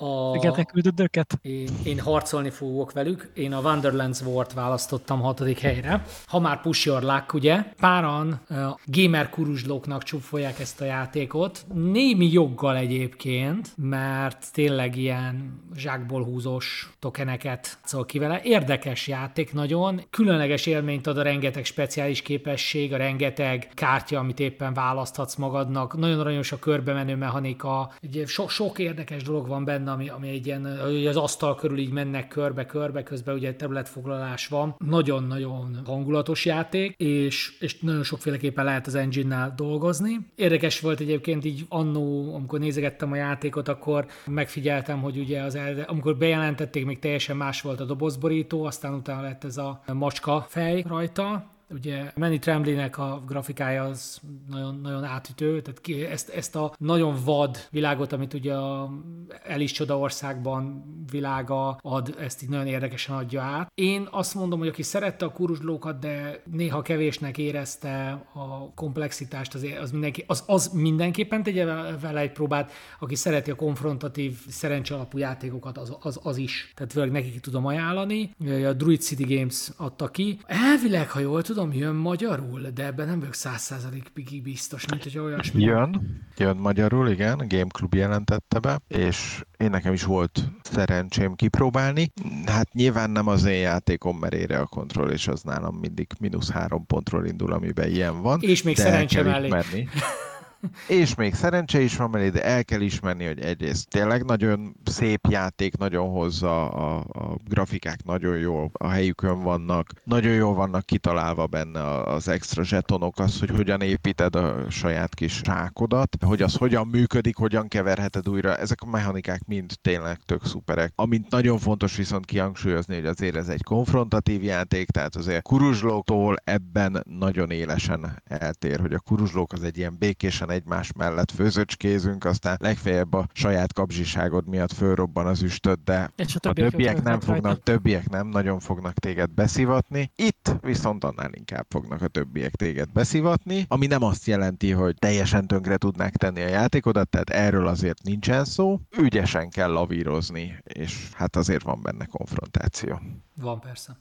Tehát ugye területekért harcolunk, gyakorlatilag ez a fő koncepció benne. Minden, minden egyes fordulóban területekért harcolunk. Mehetek tovább az ötödikre. Egy családi játékot választottam az ötödikre, aminek nekem egyik személyes kedvencem a licitálás, és egyébként úgy szoktam hívni, hogy Set Collection, the Set Collection Game. Ez pedig a magyarul a Reflex által kiadott Nidavellir. Nidavellirt azért szeretem, mert a témája aranyos, sajnos nem úgy adja át a témáját, ahogy én igazán szeretném, de szerintem aranyos, grafikák azok rendben vannak. Ugye ez egy licitálós játék, ahol hivatalos sztori szerint sárkány ölő törpe csapatot fogsz verbuválni, viszont nagyon aranyos, hogy mennyiféleképpen lehet benne pontot szerezni, nagyon aranyosak a különböző ilyen versenyek, hogy akkor most nekem van ebből a legtöbb, úgyhogy akkor én kapom meg a bónuszt, de lehet teljesen fura stratégiákra menni, és nagyon extrém szintű bónuszokat összeszedegetni, például a dvergtestérekkel, amikkel ugyanaz ötöd baromi nehéz összegyűjteni, de nem lehetetlen. Az egy nagyon érdekes történet.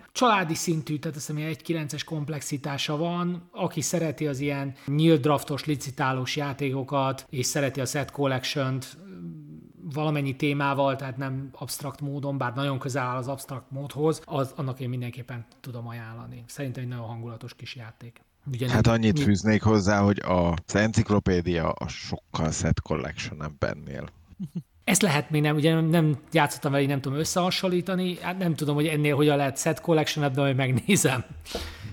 Ez a feleségemmel kedvenc közös játékom, az ötödik helyezettem. Ennek következmény az, hogy rövid, addiktív, de cserében nagyon kellemes kóp élmény. Micro Macro Crime City. Kicsit aggódtam azon, hogy 2020 előtt jelent meg, de nem pont Covid hozta és ugye már azóta van két kiegje is, a Full House és az All In, illetve készül a befejező negyedik kötet, minek nem emlékszem a címére, és tényleg, amit megérdemelten kapta meg a ezt, amit ez a játék csinált, a Hol van Valdó nyomozós műfajjal, az zseniális. Tervben szerepel, hogy egyszer majd a négy, négy térképet kirakjam a falra valahogyan, hogyha lesz hozzá megfelelően nagy falfelületem, és csak így vendégeket, a, hogyha érkezek hozzám, csak így oda vigyek az falhoz, és mutogassam nekik rajta a dolgokat. Tehát tényleg annyira, aki nem találkozott volna vele, ugye egy darab a 0 vagy ilyen b 0 írtozatosan nagy, fekete-fehér város térképet kapunk, amin egyszerre történik minden. Egyik helyszínen az ember még köti a cipőfűzét, a másikban pedig elesik, meg megy tovább, tehát le lehet követni az embereknek a sztoriát, a történését, és így kell nyomozni, hogy ad egy tippet neked a játék, hogy hol és mi történt, be vannak írva a zónák, és akkor meg kell találnod a konkrét bűn esetet, majd azután vissza kell fejtened, hogy ki, mikor, hogyan és miért követte el. Csupán azzal az egyetlen szemmelikkel, hogy meg kell találnod a térképen a különböző eseményeket, amik fizikailag kirajzolják az idővonalat. Tehát ugye itt az idő egyszerre áll, és folyamatos a fizikai téren keresztül. Úgyhogy ez tényleg zseniális. Szimpatikus, hogy a későbbi kiadásokban elkezdték jelölni, hogy mi családbarát, mi nem családbarát tartalom benne, mert azért a legelső mikromakróban azért vannak erősen 18 pluszos dolgok, mondom, lehetséges, hogy a Libriben be kéne csomagolni külön ezt a játékot, de mondom, írtozatosan, írtozatosan jó dedukciós élmény, és nagyon, ketten szerintem ideális ez is. Nem tudom, Provokatív kérdésem lenne, Igen. hogy Mondjad. Mi, mi an, úgy teszem hozzá, hogy úgy teszem fel a kérdésemet, hogy én nem játszottam ezzel a játékkal, nyilván valamennyire informálódtam róla. Miért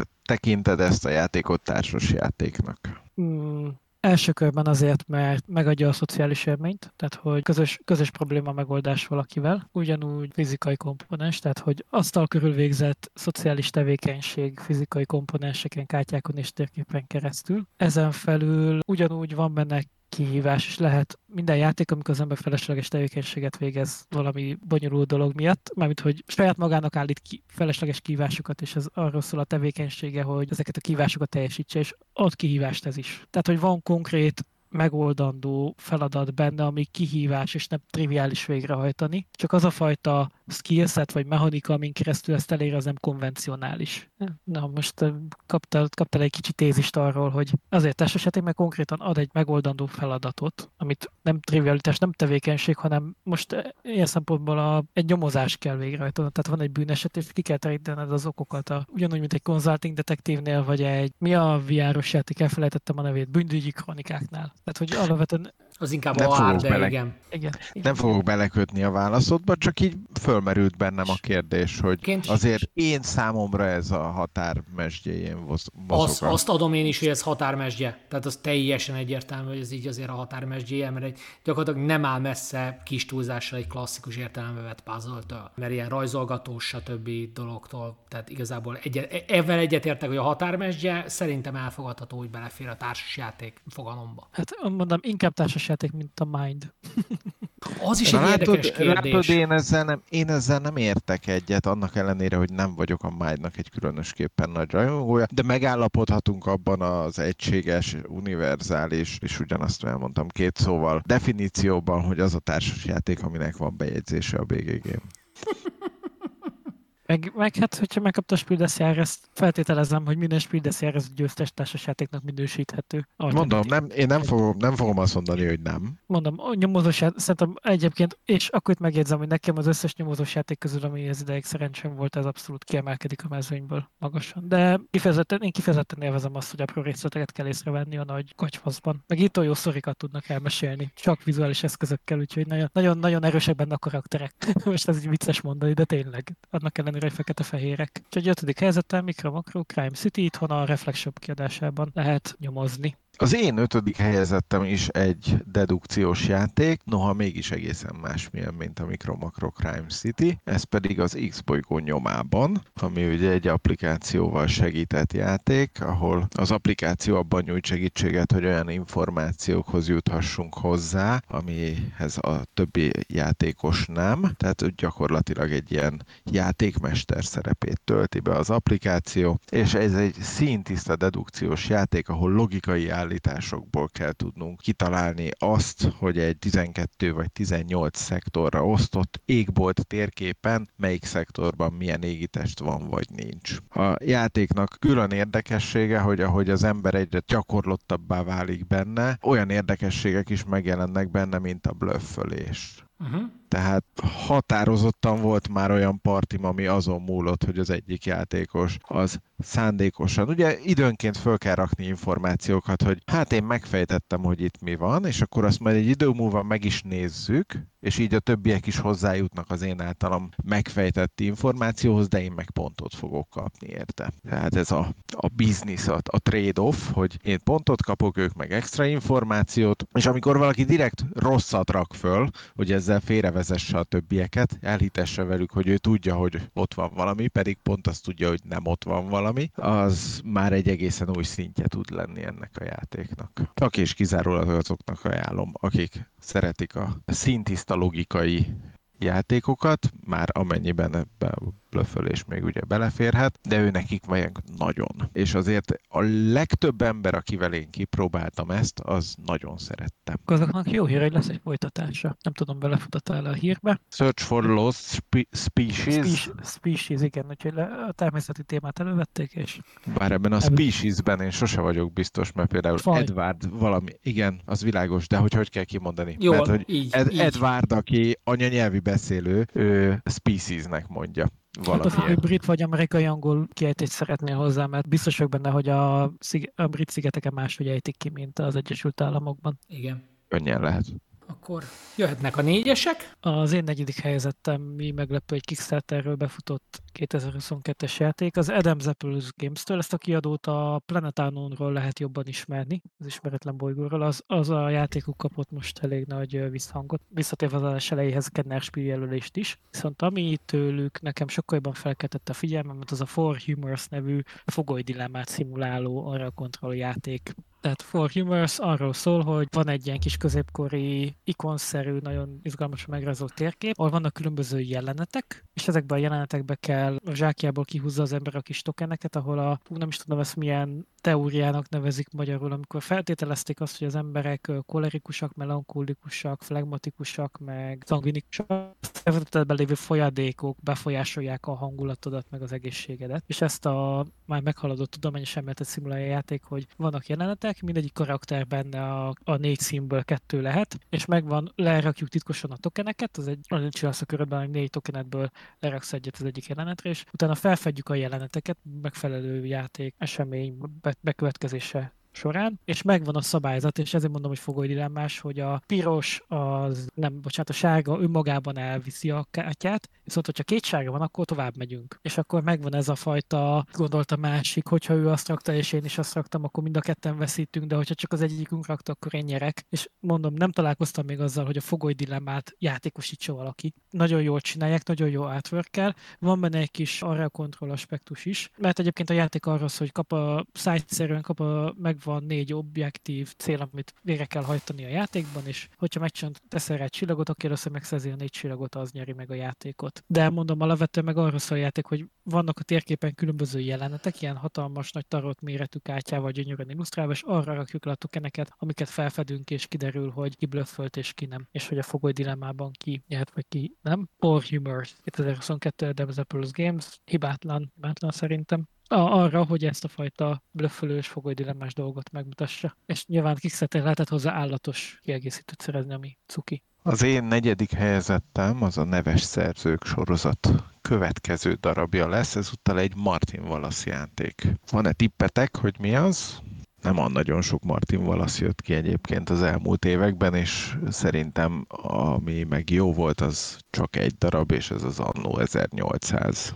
Az Anno 1800 egy olyan játék, ahol folyamatosan egyre fejlettebb gyárakat szeretnénk megszerezni, és közben lapokhoz is hozzájutunk, kártyákhoz, amit ezekből a gyárakból szerzett nyersanyagokkal tudunk utána kijátszani, és ezek fognak győzelmi pontot hozni, nagyon leegyszerűsítve természetesen a játékot, és a játéknak a kulcsa az az, hogy eltaláld azt a pontot, ahol te az engine a motorod, a gyáraid építéséről, fejlesztéséről áttélsz arra, hogy most már pontokat szerzel. Ugyanis amikor valakinek elfogy a kezéből a kártya, akkor az az utolsó kör, és ez, hogyha az ember nincs rá felkészülve, akkor sokkal-sokkal hamarabb el tud jönni, mint azt képzelni, és a remek, csodálatos akció és kártya és pont az meg mind ott marad a kezedben. Egy ilyen nagyon összetett technológiafaszerű struktúrában lehet fejlesztgetni ezeket a gyárakat, és az interakció pedig úgy lett megoldva a játékban, hogy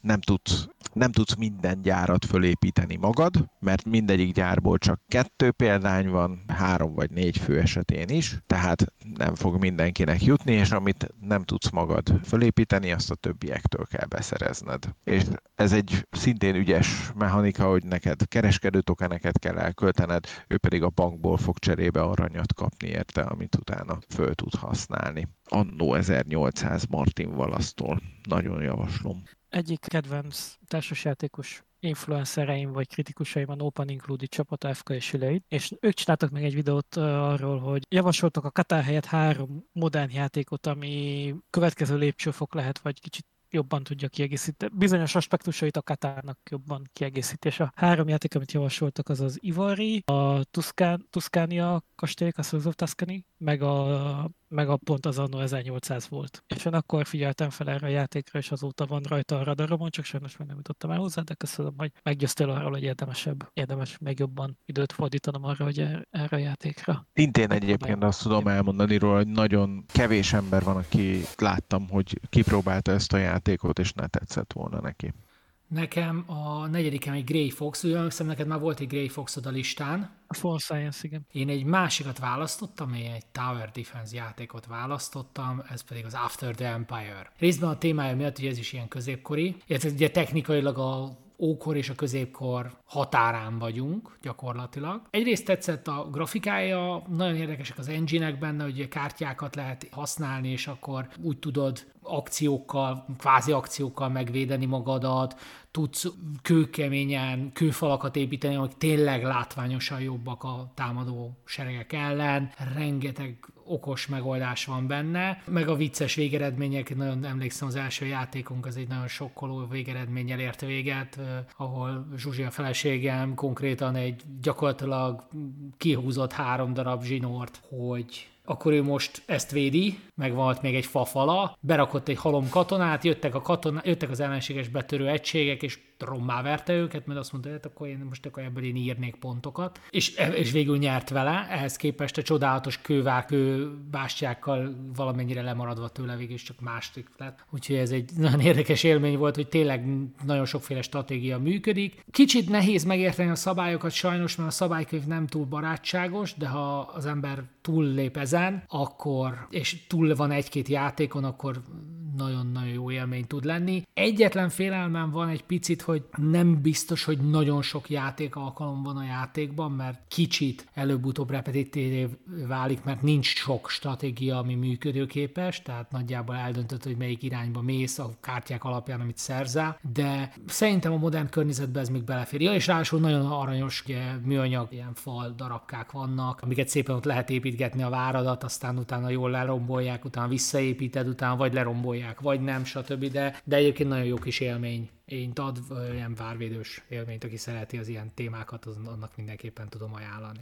Akkor, ha tovább léphetünk a dobogós helyezésekre, az én harmadik helyezettem ismét egy következő neves szerző, ezúttal Simone Luciani, akitől a Darwin's Journey az, Fönn ami Darwin's harmadik Journey? helyemre kerül. Nem erre számítottam. Mire számítottál? Gólemre. A Golem is egy jó játék. Nekem rajta Darwin's volt a listámon, Journey. nekem rajta volt a listámon, de nem került fel. A Darwin's Journey viszont ki kéne próbálnom. Darwin's Journey az viszont sokkal jobb, mint a Golem, az az igazság.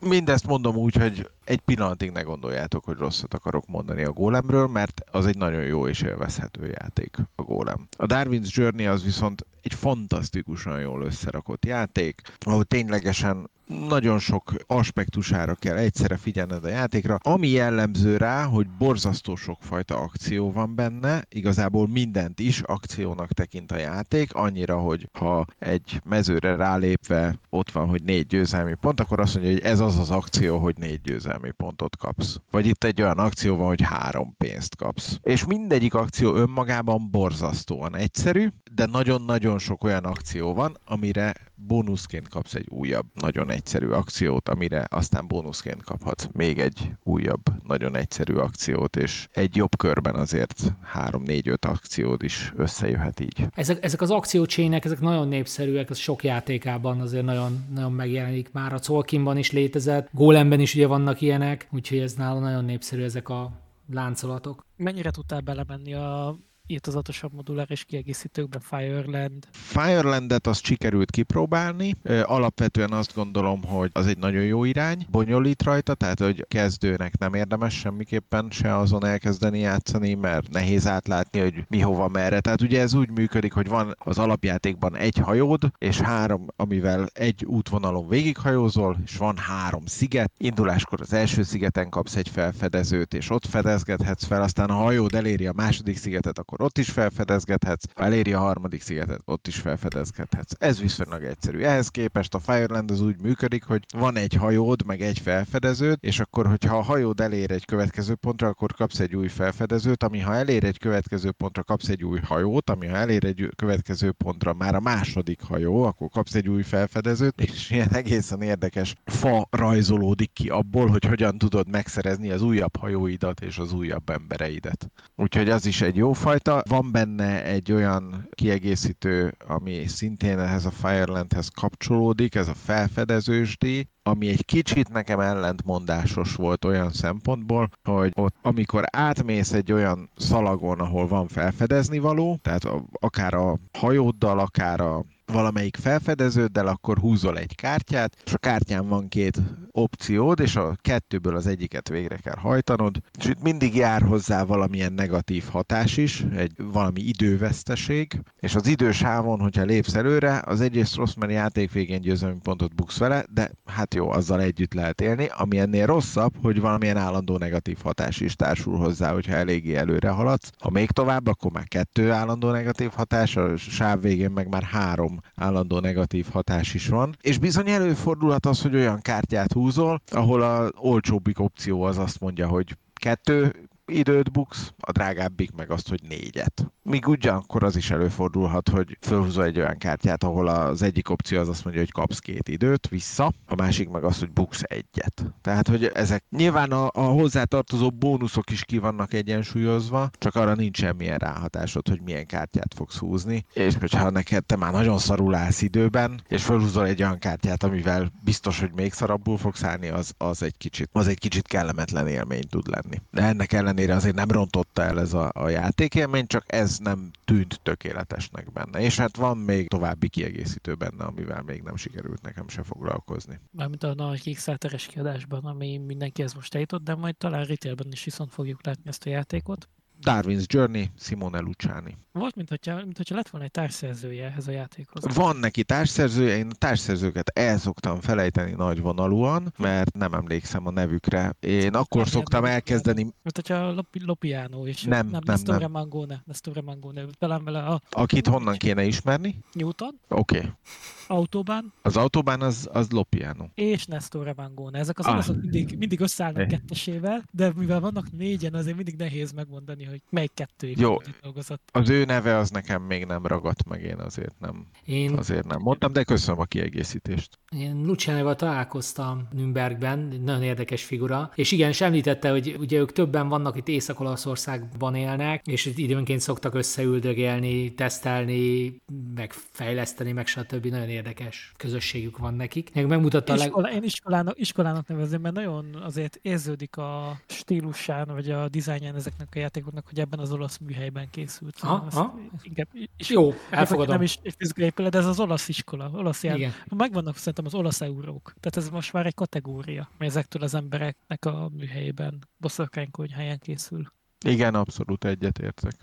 Egyébként nekem megmutatta az új játékát is, így nem igazán értettem. Lehet, hogy most nem is tudom, ez van nagyon hülye nevű, ilyen A betűvel kezdődő játéka van. Kicsit így néztem, hogy mi történik a pályán, amikor így elmondta, hogy mi történik, úgyhogy de hát náluk ez jellemző, tehát ugye már a Colkin is egy eléggé zavaros, hogy az ember így elsőre ránéz, hogy mi történik a pályán, aztán meg lehet ezeket szokni. Beütöttem gyorsan a Google-be, hogy nagyon hülye nevű albetűvel kezdő játék, de nem találtam meg, hogy melyikről lehet szó. És így nem, nem jött ki? Nem, nem. Ez még ChatGPT kéne, azt hiszem. Igen, igen, lehetséges. Anunnaki, Dawn of, Dawn of Gods. Ó, oh, tényleg, fú, azt újra kellett indítani Kásen emlékeim szerint, már nagyon rosszul pozícionálták a játékot. Igen, most már eszembe jutott nekem is. Hát ne- nem állítom, hogy erről hallottam már, de nem is teljesen kizárt.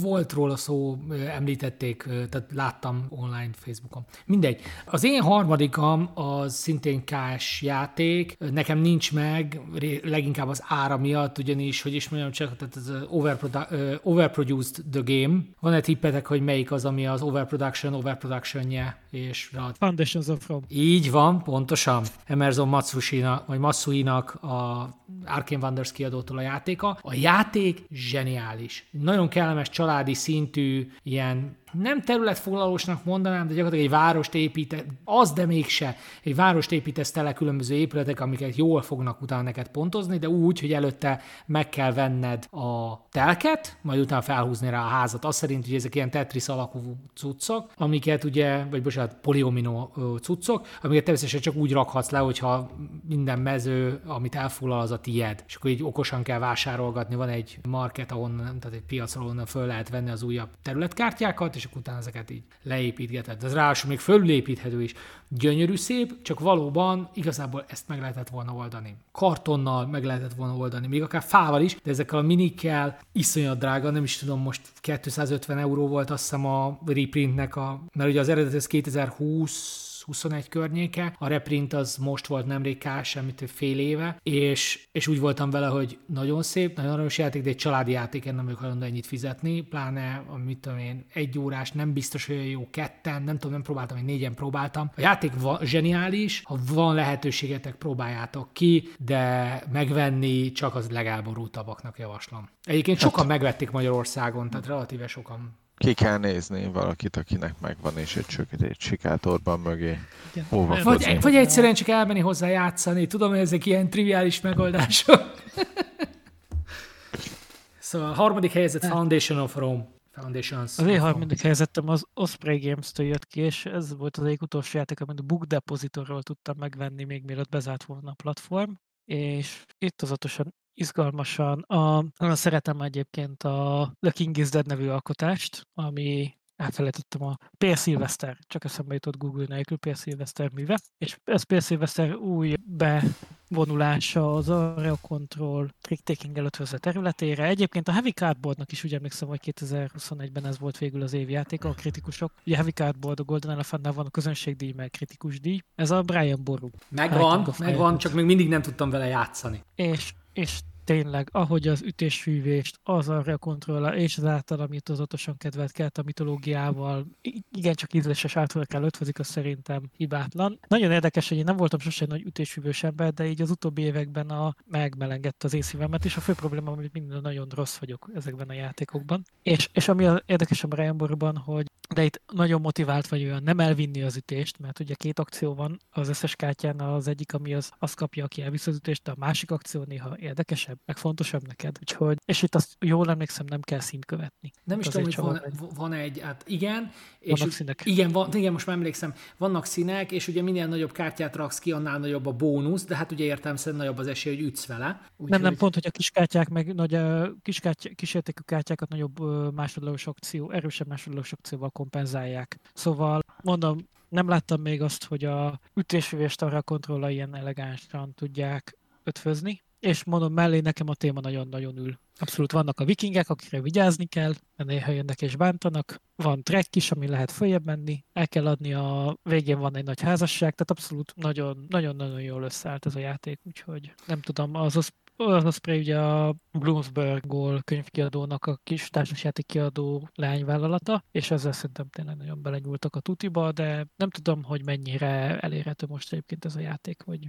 Nem nagyon. Én is, én is azt hiszem, most bevallom férfesen, nem emlékszem, hogy honnan szereztem az én példányomat. Volt egy szintén egy társ, magyar társjáték webshop, akik ott voltak a közvetlenül a Piatnik mellett, ott a Bécsi úton, és ők is bezártak sajnos, és nem a kiárusításukkor, hanem még egy kicsit korábban vettem meg tőlük én is a saját példányomat. Megvan, nagyon szeretném kipróbálni, csak ugye ez négy fős, és valahogy még sose volt rá érkezés, hogy akkor azt most nekiálljunk. És Hárman is tök jobb volt. Jó, ez fontos info. Úgyhogy én, én, nekem a grafik annyira nem jött be egyébként, de szerintem rendben van ez a játék. Tehát van egy, van egy hangulata ennek a grafikának, amit a játék ad. Tehát akkor Brian Boru volt a te harmadikod. Akkor beszélek a másodikamról, ez eh, sokak által ismert játék lesz. Csodálom, még nem jelent meg, lehet, hogy nektek is elől van. Dire Wolf Paul Denen. Dűne Imperium. Így van. A Dűne, eh. a Dűne Imperiumról következőt kell tudni. A világ, ugye jó, én nagyon szeretem a Dűne világát. Az alapjáték oké. Okay. Az első kieggel jó, kifejezetten jó, és a második kieggel együtt viszont fantasztikus. Tehát, hogy egyre jobban épül föl fel a játék, és gyakorlatilag a két kieges verzió az már szerint, szerint nem tudom, Kóc játszottál a második kieggel. Az, az már elsővel se. A... Én is pont megakadtam az alapjátéknál, úgyhogy... Na, a következő kocnak azt javaslom, hogy ugorja az első kieget rögtön második, az már az az élmény, amit ő keres. Tehát trekkek, rengeteg minden történik a pályán, oké, okay, paklépítés, worker placement az maradt, de valójában annyi minden történik, annyi mindent lehet csinálni, ami hirtelen egy kaliberű játékosnak szerintem már szimpatikussá tenni a játékot. Nekem is hiányzottak dolgok az alapjátékból. Én is azt hiszem hetesre értékeltem. Aztán mondom, az első kieg egy érdekes ízt ad hozzá, de nekem, nekem igazából a második kieg, főleg az ilyen különleges lap megoldásokkal, amikor vannak olyan lapok benne, hú, nem tudom, van, a mechanika nem jut eszembe, amit használnak, vannak olyan lapok benne, hogy nem játszhatod ki önállóan, mert nem használhat worker, de csatolhatod másik laphoz, és egyszer a kettőt rakod ki, akkor már tudod hova rakni a workeredet, és kapsz egy extra bónusz dolgot, valamilyen erőforrást, egyéb cuccot, stb. Tehát ilyen, ilyen nagyon érdekes elemek, és ezek az alapokhoz külön lehet hozzájutni, mert van egy külön extra erőforrás a második kiegészítőben. Úgyhogy én alig várom, hogy a Reflex hozza a második kiegészítőt is, mert én nekem magyarul van meg, úgyhogy én azt, azt a verziót várom, hogy most addig nem be, szereztem be. Most nem fog eszembe jutni a második kiegnek a neve. Immortality, Rise of X valami ilyesmi. Immortality, azt hiszem az az, igen. A Rise of X az első kieg, a X felemelkedése. És ugye ez a Bene Gesserit génomanipulálásáról szól gyakorlatilag. Úgyhogy én nagyon szeretem a Dune Imperiumot, Igaz, a két, két kieggel csak egyszer játszottam, az első kieggel kétszer is. Illetőleg van benne, egyrészt megoldották azt a problémát, hogy beragad a market, mert lehet lepörgetni, másrészt pedig a, van benne epic játékmód, ami kicsit ilyen még grandiózusabbá teszi a Dune Imperiumot. Úgyhogy most már a nem annyira komplex, de azért nem családi szintű játékból hirtelen egy ilyen tényleg nagyobb, grandiózusabb játékot csináltak a két kiegészítővel. Mindenképpen ajánlom. Persze egyszerre lehet, hogy sok a legtöbb embernek, tehát kellően elvetemültnek kell lenni ahhoz, hogy valaki rögtön mindent akarjon. Kíváncsi vagyok, hogy ugye a pakli építést munkás lehelyezéssel ötvöző játékok közül Kóc meg fog említeni egy másikat, viszont az én második helyzetemen gyorsan ugorjuk is tovább, mert ez a Darwin's Journey. Uh-huh.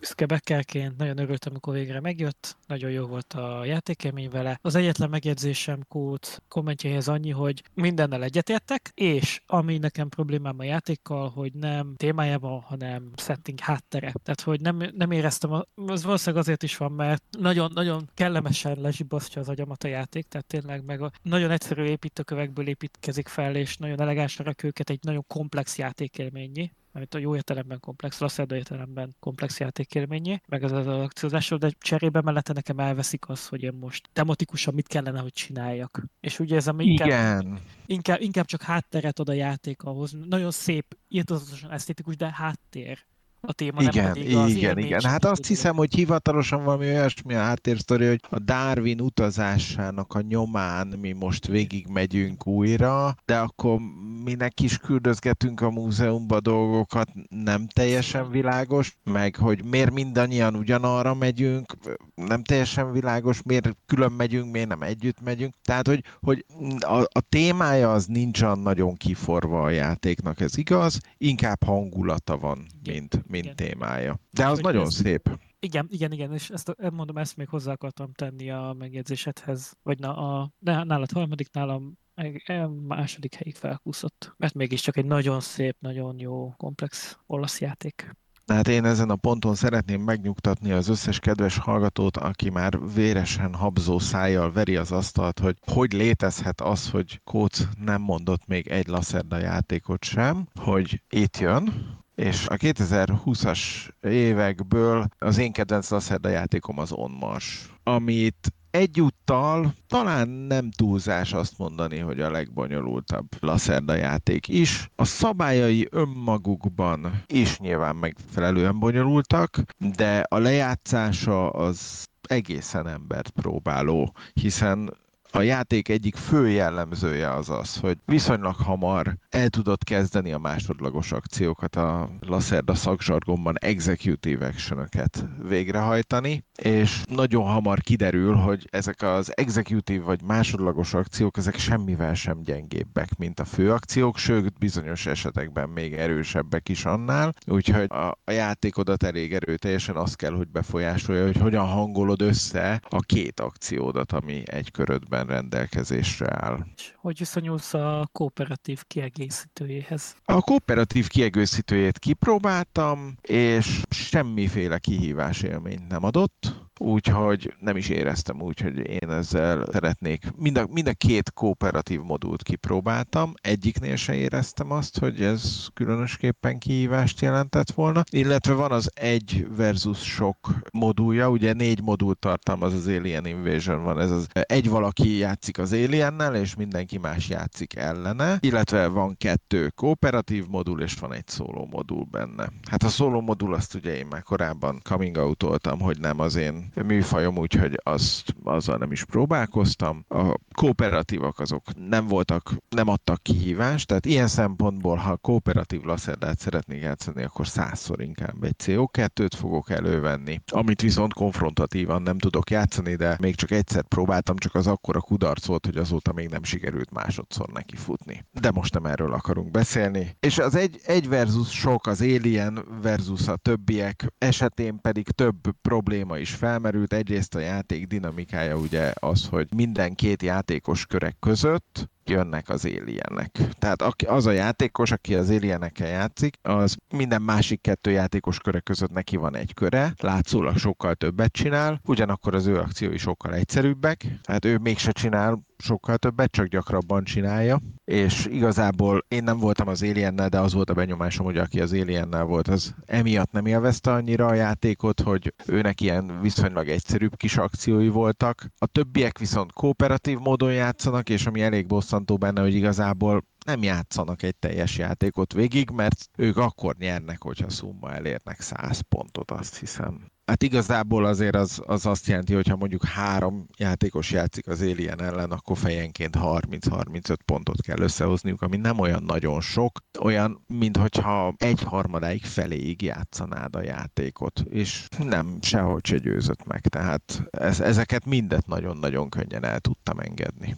De a játék maga, az alapjáték az viszont zseniális, és igazából marhára nem igényli se a kooperatív, se az egy versus many kiegészítőt, az önmagában tökéletesen megállja a helyét. Nagyon komplex játék, de nem lehetetlen játszani vele. Tehát maguk a szabályok azok egyáltalán nem befogadhatatlanok. Azt nagyon nehéz megvalósítani, hogy hatékony legyél a játékban, és hogyha olyanok ellen játszol, akik szintén hatékonyak, akkor viszonylag rövid lesz a játék, tehát elég kevés akciód lesz arra, hogy valami maradandót alkossál. És úgy emlékszem, a Golden Elephanton szintén díjazott 2020-ból. Könnyen lehet. Hát ez volt az én második helyzetem, Vital Lacerda, On Mars, és ennek kivételesen még a kiadóját is tudom, mert mindegyik Vital Lacerdának most már ugyanaz a kiadója az Eagle Griffon Games. Ian O'Toole még említsük meg, aki összerakta ezt a csodálatos UI, ami nélkül játszhatatlan lenne a játék. Lássuk az első helyezettedet, hogy ki, ki mit gondolt. Kezdem. Ha Foundations of Rome overproduced, akkor az én első helyezettem is valószínűleg az, ugyanakkor itt valamennyire indokolt. Gyakorlatilag ez a social deduction, amit magyarul talán gyilkosos játékoknak a non plus ultrája, a eltoltuk a falig,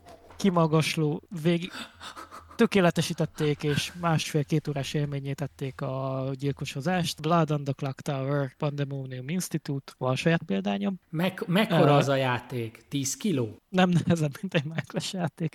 És, és vittem már storytellerként a játékot, tartani a kezedben, miközben játszol a könyvet, hogy trekkeld a dolgokat nehéz. Doboz 5-8, 5 és 8 kiló között van. Ha? Mert ez is kart- kartonban jött, és egy karton egy játék tehát mint a Gloomhaven, de annyira azért nem nagy és nehéz, de nagy és nehéz. És tényleg én, mint aki ezt a fajta műfajt nagyon szeretem és értékelem, amit az a játék csinált fel, és akár szó játszottam vele tényleg 10 per 10, szerintem tényleg hozzáférhetővé tették és jóvá tették ezeket a gyilkosos játékokat azoknak is, akik nem szerették. Az egyetlen probléma vele, hogy hosszú. Hogyha amiatt nem szeretted a gyilkosos játékot, hogy nem tudom, egy-másfél óránál tart, ezen az egy dolgon nem javított. De tényleg a kiesett játékosoknak van nagyon fontos hozzáadott érték a játék további részéhez, mindenkinek van különleges képessége, írtozatosan inkluzív és befogadóvá tették a műfajt, és 20 millióféle módon lehet játszani. Tehát annyifajta szenárió képesség, script, a scriptnek nevezik őket, tehát forgatókönyv van a játék játszásához, hogy elképesztő. Van már egyébként hivatalos online app is hozzá,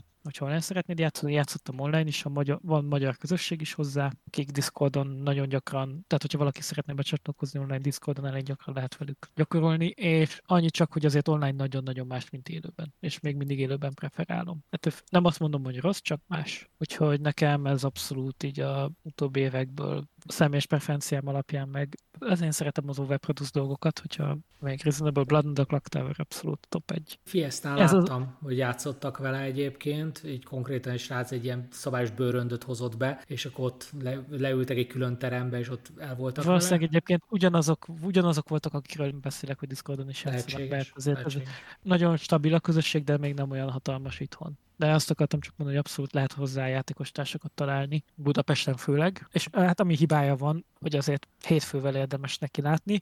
Vannak ilyen külön forgatókönyvek 5-6 játékosra, rövidebb 30-40 perces játékokra, de tényleg az a nagyon-nagyon minimum hozzá, és viszont hét től elmegy 20-ig is, ami szerintem túlkapás, az ideális szám valahol 10-12 játékos körül van. Konkrétan van arra játékmechanika, hogy valaki később csatlakozik a játékhoz, és utána elmegy, mielőtt befejeződik a játék. Tehát, hogy ennyire gondoltak arra, hogy inkluzív legyen, és, és tényleg mindenfajta kedvesebb, befogadóbb módon ki tudjon szolgálni. Mondom, nekem ez úgy voltam vele, hogy Kickstarteren végül egy dollárra bekkeltem, mert ki akartam válni, meg úgy voltam vele, hogy sose lesz hozzá elég játékostársam, és amikor megtaláltam a online közösségeket, meg láttam, hogy ez, ez ez tényleg egy dolog lesz, akkor végül beruháztam egy retail verzióra. Úgyhogy nekem Blood on the Clock Tower. És akkor megkérdezik, a Social Deduction az társas játék? Attól függ. Attól függ a Social Deduction az szerintem társas játék, igen. Hát ugye a legklasszikusabb ugye az egyik legrégebbi Magyarországon, én ezt szoktam mindig Magyarországon egyik legalapvetőbb játéknak venni, a Benget, az is innen indult. Ja, de én, én még emlékszem... Az nem, az nem osztály... tiszta social deduction azért. Én inkább osztálykiránduláson tényleg ez a gyilkosozás, vérfarkasozás az. És annak ugye 20 millió szabályai rendszere megváltozott, a variánsa van. Ebben is segít a Blood kaktával, hogy nincsen kérdés abban, hogy hogyan kell meg mit kell csinálni, mert ja, és igen, a legnagyobb innovációja, hogy van moderátor, storyteller, mesélő, igen, talán mesélő hivatalos magyar fordítás, nagyon élvezetes mesélőnek lenni, és konkrétan befolyásolja a játékot, tehát nem egy passzív, vagy nem egy neutrális szereplő a mesélő, hanem van, hogy a mesélő hoz döntéseket, ami befolyásolja a játék kimenetelét. És ilyen szempontból sokkal nagyobb felelősség, meg sokkal nagyobb felkészülést igényel a mesélőnek lenni a Blood and és egyben ő a felelős azért, hogy a többiek jól érezzék magukat. Tehát, hogy ezt, ezt így konkrétan kimondja a játék, hogy a mesélőnek az a dolga, hogy itt mindenki jól érezze magát, meg mindenkinek jó játékélménye legyen. Úgyhogy... Ahhoz képest, hogy én nem szeretem a social deduction játékokat, egészen meghoztad a kedvemet hozzá, mert eléggé jó dolgokat mondtál róla, talán egy valamit kivéve, hogy van rá megoldás, hogy valaki menet közben jön, de még a vége előtt elmegy, hát ezt, ezt ne bátorítsuk már. Tehát, hogy... ez, ez, ez szigorúan tíz fölfelett meg. Jó, de ez parti játékoknál nem, nem életszerűtlen. Ja. Tehát azért ezt hozzátesszük. Meg én őszintén ezzel a mm, fajta karakterkel még nem is játszottam, tehát én nekem az összes játékélményem olyan volt, hogy rendesen végigmegyünk, de mondom, mit akartam még megemlíteni Blood on the Clock kapcsán, tényleg csak egy... Ja igen, igen, hogy a, a már korábban említett No Include-nak egy egyórás videó eszéje van erről a játékról, amit érdemes még megnézni, ahol végig mennek ezeknek a játékoknak a történelmén. Kiderült, hogy ez a gyilkosos játéknak van designer egyébként, és orosz eredetű. Nagyon röviden. Tehát ez ne, ugye most ilyen publikus domainben van, tehát úgy tűnik, mintha ez egy ilyen mese, mint egy ilyen, vagy mondjuk így ránk ragadt a szociális dolog lenne, nem ezt valaki egyszer kitalálta a gyilkosozást. És konkrétan megint volták a designer ebben az egy órás kis doku- YouTube-os ingyen elérhető dokumentumfilmben. És hogyha bárkit a Blood on the meg ennek az egész zsánernek a történelme érdekel, és nem gond neki az angol, nagyon-nagyon erősen javaslom a No Pun Included videóját erről. Ennyit elég is szerintem, úgyhogy haladjunk tovább a többi top 1 Tehát akkor Blood in the Clock Tower. Nem, ez, a, ez nem az én top 1 lesz. Én mindenek előtt arra szeretném kérni a kedves podcast hallgatókat, hogy helyezzék biztonságba a telefonjukat, nehogy véletlenül földhöz csapják, mert olyan kijelentést készülök tenni, ami valószínűleg sokaknál kiveri majd a biztosítékot. Az nagyon egyszerű választás volt, mert én szerintem az jelenleg a legjobb társasjáték, és a BGG-n is ennek kéne elfoglalni a top 1 helyet. Ehhez képest csak negyedik. Matthias Vige játéka az Ark Nova. Egyszerűen minden tekintetben hibátlan játék.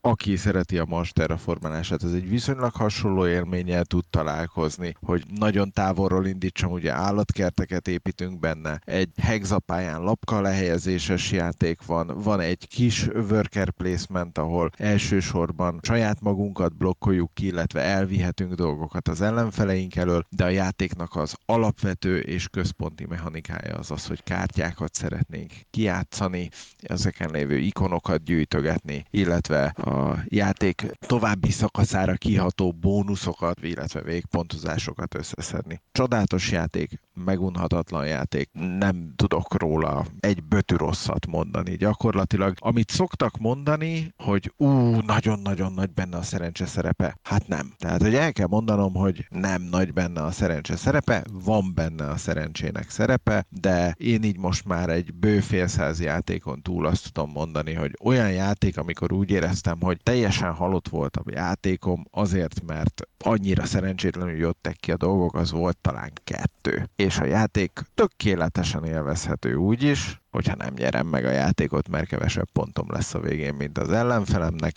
Nagyon keveset veszel a játékélményből. Ami el tudja rontani a játékélményedet, az az, amikor szeretnél valamit végigvinni, és nem sikerül végigvinni, és az a játéknak egy nagyon fontos aspektus, hogy fölismerd, hogy ne akarjál túl sokat csinálni, hanem annyit akarjál csinálni, amennyit még meg lehet csinálni. Túl keveset akarsz csinálni, az is rossz, mert akkor hirtelen a végére érsz, és akkor jobbra-balra nézel, és akkor na de hogyan tovább, mert még még úgy néz ki, hogy még van öt kör a játékból, és az alatt is kéne valamit csinálni, mondjuk pontokat gyűjtögetni. Ha túl későre lövöd be, hogy hova akar kifutni a te játékod, akkor nem fogod tudni végigcsinálni, és ez szerintem egy óriási nagy előnye a Mars terraformálásához képest, hogy a Mars terraformálásra az alapvetően az olyan játékosokat legalábbis, mint én, arra biztatja, hogy egyáltalán semmit ne csináljanak ami a játékot közelebb viszi a játék végéhez. Hiszen annál több győzelmi pontot lehet gyűjteni, minél később következik be a játék vége. Az Ark Novában ilyen nincs, hiszen pontosan a győzelmi pontot fogja meghatározni azt, hogy mikor van vége a játéknak. Tehát, hogyha győzelmi pontokat gyűjtögetsz, akkor előre viszed a játékot a játék vége fele. Ha meg nem győzelmi pontokat gyűjtögetsz, akkor mi a frászkarikát csinálsz, ugye? Állatokat mentesz. Igen, hát talán tessék, ha valamiben nagyon bele akarnánk kötni, akkor az állatkert tematika, bármennyire is nekem például közel áll a szívemhez, és nem látok benne kivetni valót, biztos, hogy vannak olyan emberek, akiknek az már nem teljesen piszi maga az állatkert fogalma. Ne, de szerintem ez pont erősség az Áknovának, hogy bemutatja az állatkerteknek ezt a konzerváló, biodiverzitást megőrző és természetvédő aspektusát. Tehát abszolút meg a kutatás fel, biológiai fajkutatás meg faj meg állatmegőrzési vállalásaikat, amit egy modern állatkert már bemutat. Tehát ez nem egy állatmegőrző, hanem konkrétan a biodiverzitás, meg az állatok jóléte szempontjából fontos küldetésük van az állatkertek, a modern állatkertnek.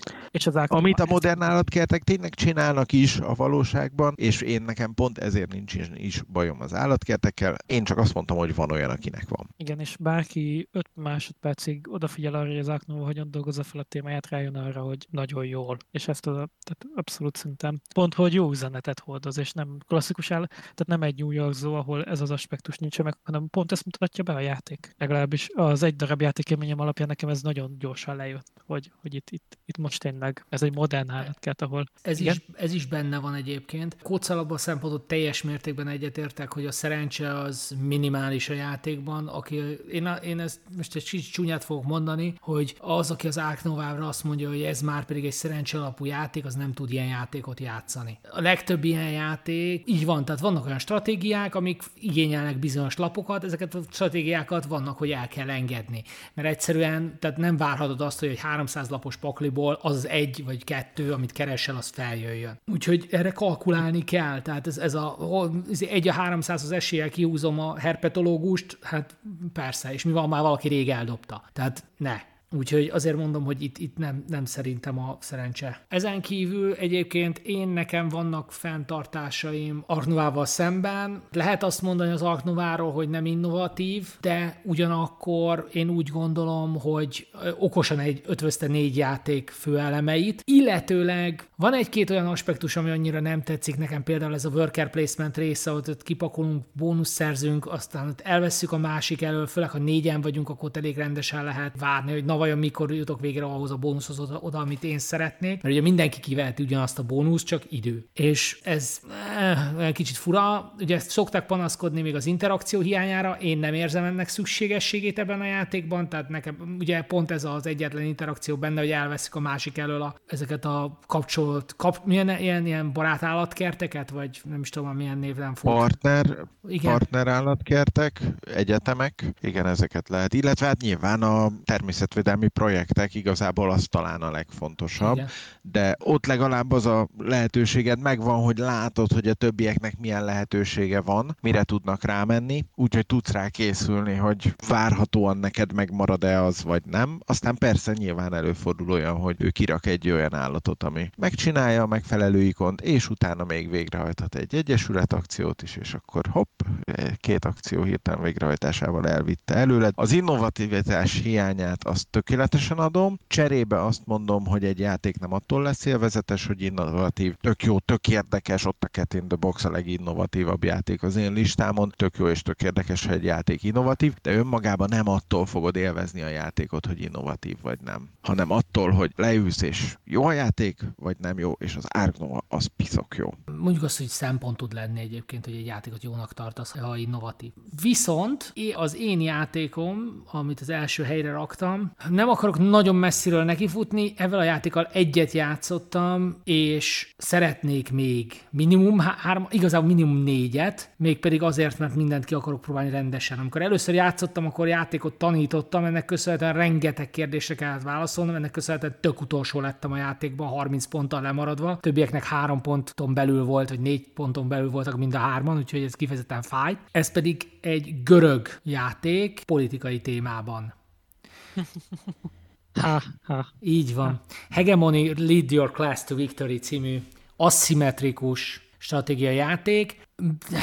Mindenki tehát a mechanikák hasonlóak, de mindenki teljesen más csinál. Tehát még ugye a munkásosztály az próbál minél boldogabb és prosperálóbb lenni, addig a kapitalisták szeretnének minél több pénzt tőkévé formálni, a passzív jövedelem. Van egy középosztály, ami a kettőnek az átmenete, tehát ugye a KKV szektor plusz némi saját munkásaikból köszönhetően szeretnének ők is prosperálni, és van az állam, ami különböző formátumban szeretne mindenkinek a kedvére tenni, hogy újra válasszák, és nagyon érdekes dolgok vannak, különböző politikai lobbikat lehet csinálgatni, szavazásokat csinálni, egy kicsit érdekes ilyen szerencse alapú mechanika a játékban, de igazából az is egy nagyon kell kellemes, és azért, azért tetszik nagyon, mert van egy ilyen tényleg politikai érzete, tehát hogy, hogy amikor kapitalistával játszol, pont ezért kaptam ki egyébként, mert a harmadik fordulóban jöttem rá, hogy basszus kulcs, most itt annyi kérdésre válaszoltam, hogy észre sem vettem, hogy amúgy nekem pénzt kell gyűjtenem. És míg a többiek ugye csinálták a saját dolgukat, és ez egy nagyon érdekes dolog, hogy a pályának vannak pontjai, amik interaktívabbak, vannak olyan pontjai, amik gyakorlatilag csak egy játékosra vonatkoznak, de mégis valahogy így, így van, van egy ilyen nagyon fura ilyen dinamika a játékosok között, és, és az összes létező történet benne van, ami az átlag környezetben benne van, tehát igen, bevételt szerzel, ami után adót fizetsz, ami az államnak jó, de az állam ebből próbál visszaosztani valamennyit, mert ugye mégiscsak szeretné, hogyha olyan dolgok történnének, ami neki is jó, meg neked is jó. Szóval egy ilyen nagyon érdekes dinamikája van a játéknak, van hozzá külön füzet a politikai irányzatokról, van szenáriót, nem tudom, azt nem nézegettem, meg van két minikieg benne, ebből az egyik egy jó minikieg, a másik egy kevésbé jó minikieg, de ettől függetlenül nagyon érdekes dolgok vannak benne. Jó négy óra, inkább öt, de fenomenális élmény, és tényleg, és minden játékossal másmilyen. Nem annyira szélsőséges, mint mondjuk egy Vaszt esetében, de ilyen root szintű asszimetriát azért bőven el lehet képzelni. Nem tudom, nektek volt hozzá szerencsétek amúgy? Csak Nekem sajnos. Róla. Szóval csak olvastam, hallottam róla, játékélményem nincsen, úgyhogy nélkül meg nem akarok nyilatkozni. Maximum annyit, hogy talán Denturónak olvastam el a kritikáját róla a Space Biffen, és engem az az aspektusa foglalkoztat a legjobban a játéknak, hogy tetszik, hogy belementek ebbe a szociopolitikai témába, és kíváncsi vagyok, hogy mennyire jól dolgozzák föl tehát, hogy mennyire hiteles a, úgymond az akadémiai háttere a játéknak. Szerintem igen, tehát szerintem hiteles, biztos, aki ebben jobban benne van, az bele tud kötni, de úgy érzésre én, én nagyjából jónak éreztem. Én azt nem tartom bajnak, hogyha ebbe bele tud kötni valaki, mert ott van Phil Eklund, aki a végtelenül precíz játékokat tudja csinálni, és én azt szoktam mondani, hogy egyetlen baj van a játékaival, hogy ő a precíz szimulációs élmény oltárán a játékélményt bármikor hajlandó beáldozni. Az Tehát azért egy társas játék, és csak azért hoztam föl, hogy azt jelezzem, hogy én szerintem nem az egy társas játéknak az elsődleges dolga, hogy tudományosan precíz legyen, hanem az, hogy jó élmény legyen leülni mellé játszani, és annyi precizitást, meg annyi történelmi hűséget kell belevinni, amennyit elvisel a játék, amennyivel még jó marad. Ezzel egyébként nagyon egyetértek. És én, én, én sajnos nem tudtam még játszani a Hegemonival, de fönt van a radaromon, és szeretnék játszani vele. Igen, csak akár szándékos, akár nem, valamilyen üzenetet hordozni fog a játék a témájáról, a játékélményen keresztül, és az a kérdés, hogy ez az üzenet mennyire pontos, káros. Erre értelek, teljes mértékben értelek, azért nem akarok erre részletesebben kitérni, mert erre már szántunk neki ugye egy komplett adást, akiknek van kedve meghallgathatja, Igen. azt hiszem az 50, mindjárt ja. meg is nézem és, És igazából a kérdésem akkor lecsupaszítom arra, hogy Józsi, milyen a hegemoni üzenete az osztályharcról? Igen. Ezt nehéz megfogalmazni egyébként, 49. rész volt ez, nehéz megfogalmazni azt, hogy mi az üzenete az osztályharcról, mert nem éreztem rossznak. Tehát, hogy nem az volt, tehát volt egy, tehát nem, nincs, nincs benne ez a balos-jobbos vonal, ami most a modern politikában benne van. Elmondja tényleg tudományosan, hogy a, mik a balos típusú intézkedések, ugye ingyenes egészségügy, stb. stb. míg a másik oldalon a full fizetős egészségügy, ugye ez, a, ez az egyik pont az egészségügy oktatásban, az, ezek lehet szavazni, hogy milyen legyen, és ez egyébként nagyon érdekesen jelenik meg a játékban. Ezen kívül ugye a politika, hogy mennyire vagyunk expanzívak, vagy zárt gazdaság vagyunk, stb. Tehát, hogy ez, ezek megjelennek, de inkább az akadémiai környezetben nem az van, hogy és akkor elnyomjuk a burzsóá elnyomja a munkásosztályt, vagy mit tudom én, autokrata állam, és akkor mindent irányít. Nem, tényleg csak ilyen, ilyen érintőlegesen, hogy mi mit jelentene normál esetben. Nem az, hogy éppen ezt hogyan csúfították el az aktuális bármilyen környezetben lévő politikusok. De legalábbis én ezt így éltem meg, de ez lehet, hogy ez én rosszul. Úgyhogy nagyjából ennyi. Hallgatóktól megkérdeznénk, hogy nekik mik az elmúlt két és fél-három év kedvenc játékai, tehát nekik mi volt. Tőletek nem várjuk el, hogy ennyire szigorúan csináltok a listát. Mi nekünk a fő célunk ezzel az volt, hogy mutassunk 30-29 azt hiszem olyan játékot. 28. 28 két duplánk volt? Hogy, igen, a David Journey meg a Ja, igen, David Journey is az volt valóban. Tehát a 28 olyan játékot mutassunk nektek, ami az elmúlt pár évben jelent meg, újdonság, és nekünk valamilyen formában tetszett. Mondjátok, hogy nektek mi van, hát ha mi is találunk valami újdonságot, amit nekünk még nem került fel a radarunkra, és hallgassatok minket. Szerintem augusztus végén fogok legközelebb újabb adást csinálni, majd megbeszéljük a konkrétumokat a többiekkel, úgyhogy addig is én annyit szeretnék zárásul elmondani, hogy természetesen azért 28 játék lett, mert az tökéletes szám, illetve hogy elég komoly viták mentek közöttünk arról, hogy akkor pontosan kivállalja be az átfedéseket, hogy a 28 kijöjjön, de a végén meg lett. Sziasztok! Sziasztok! Sziasztok!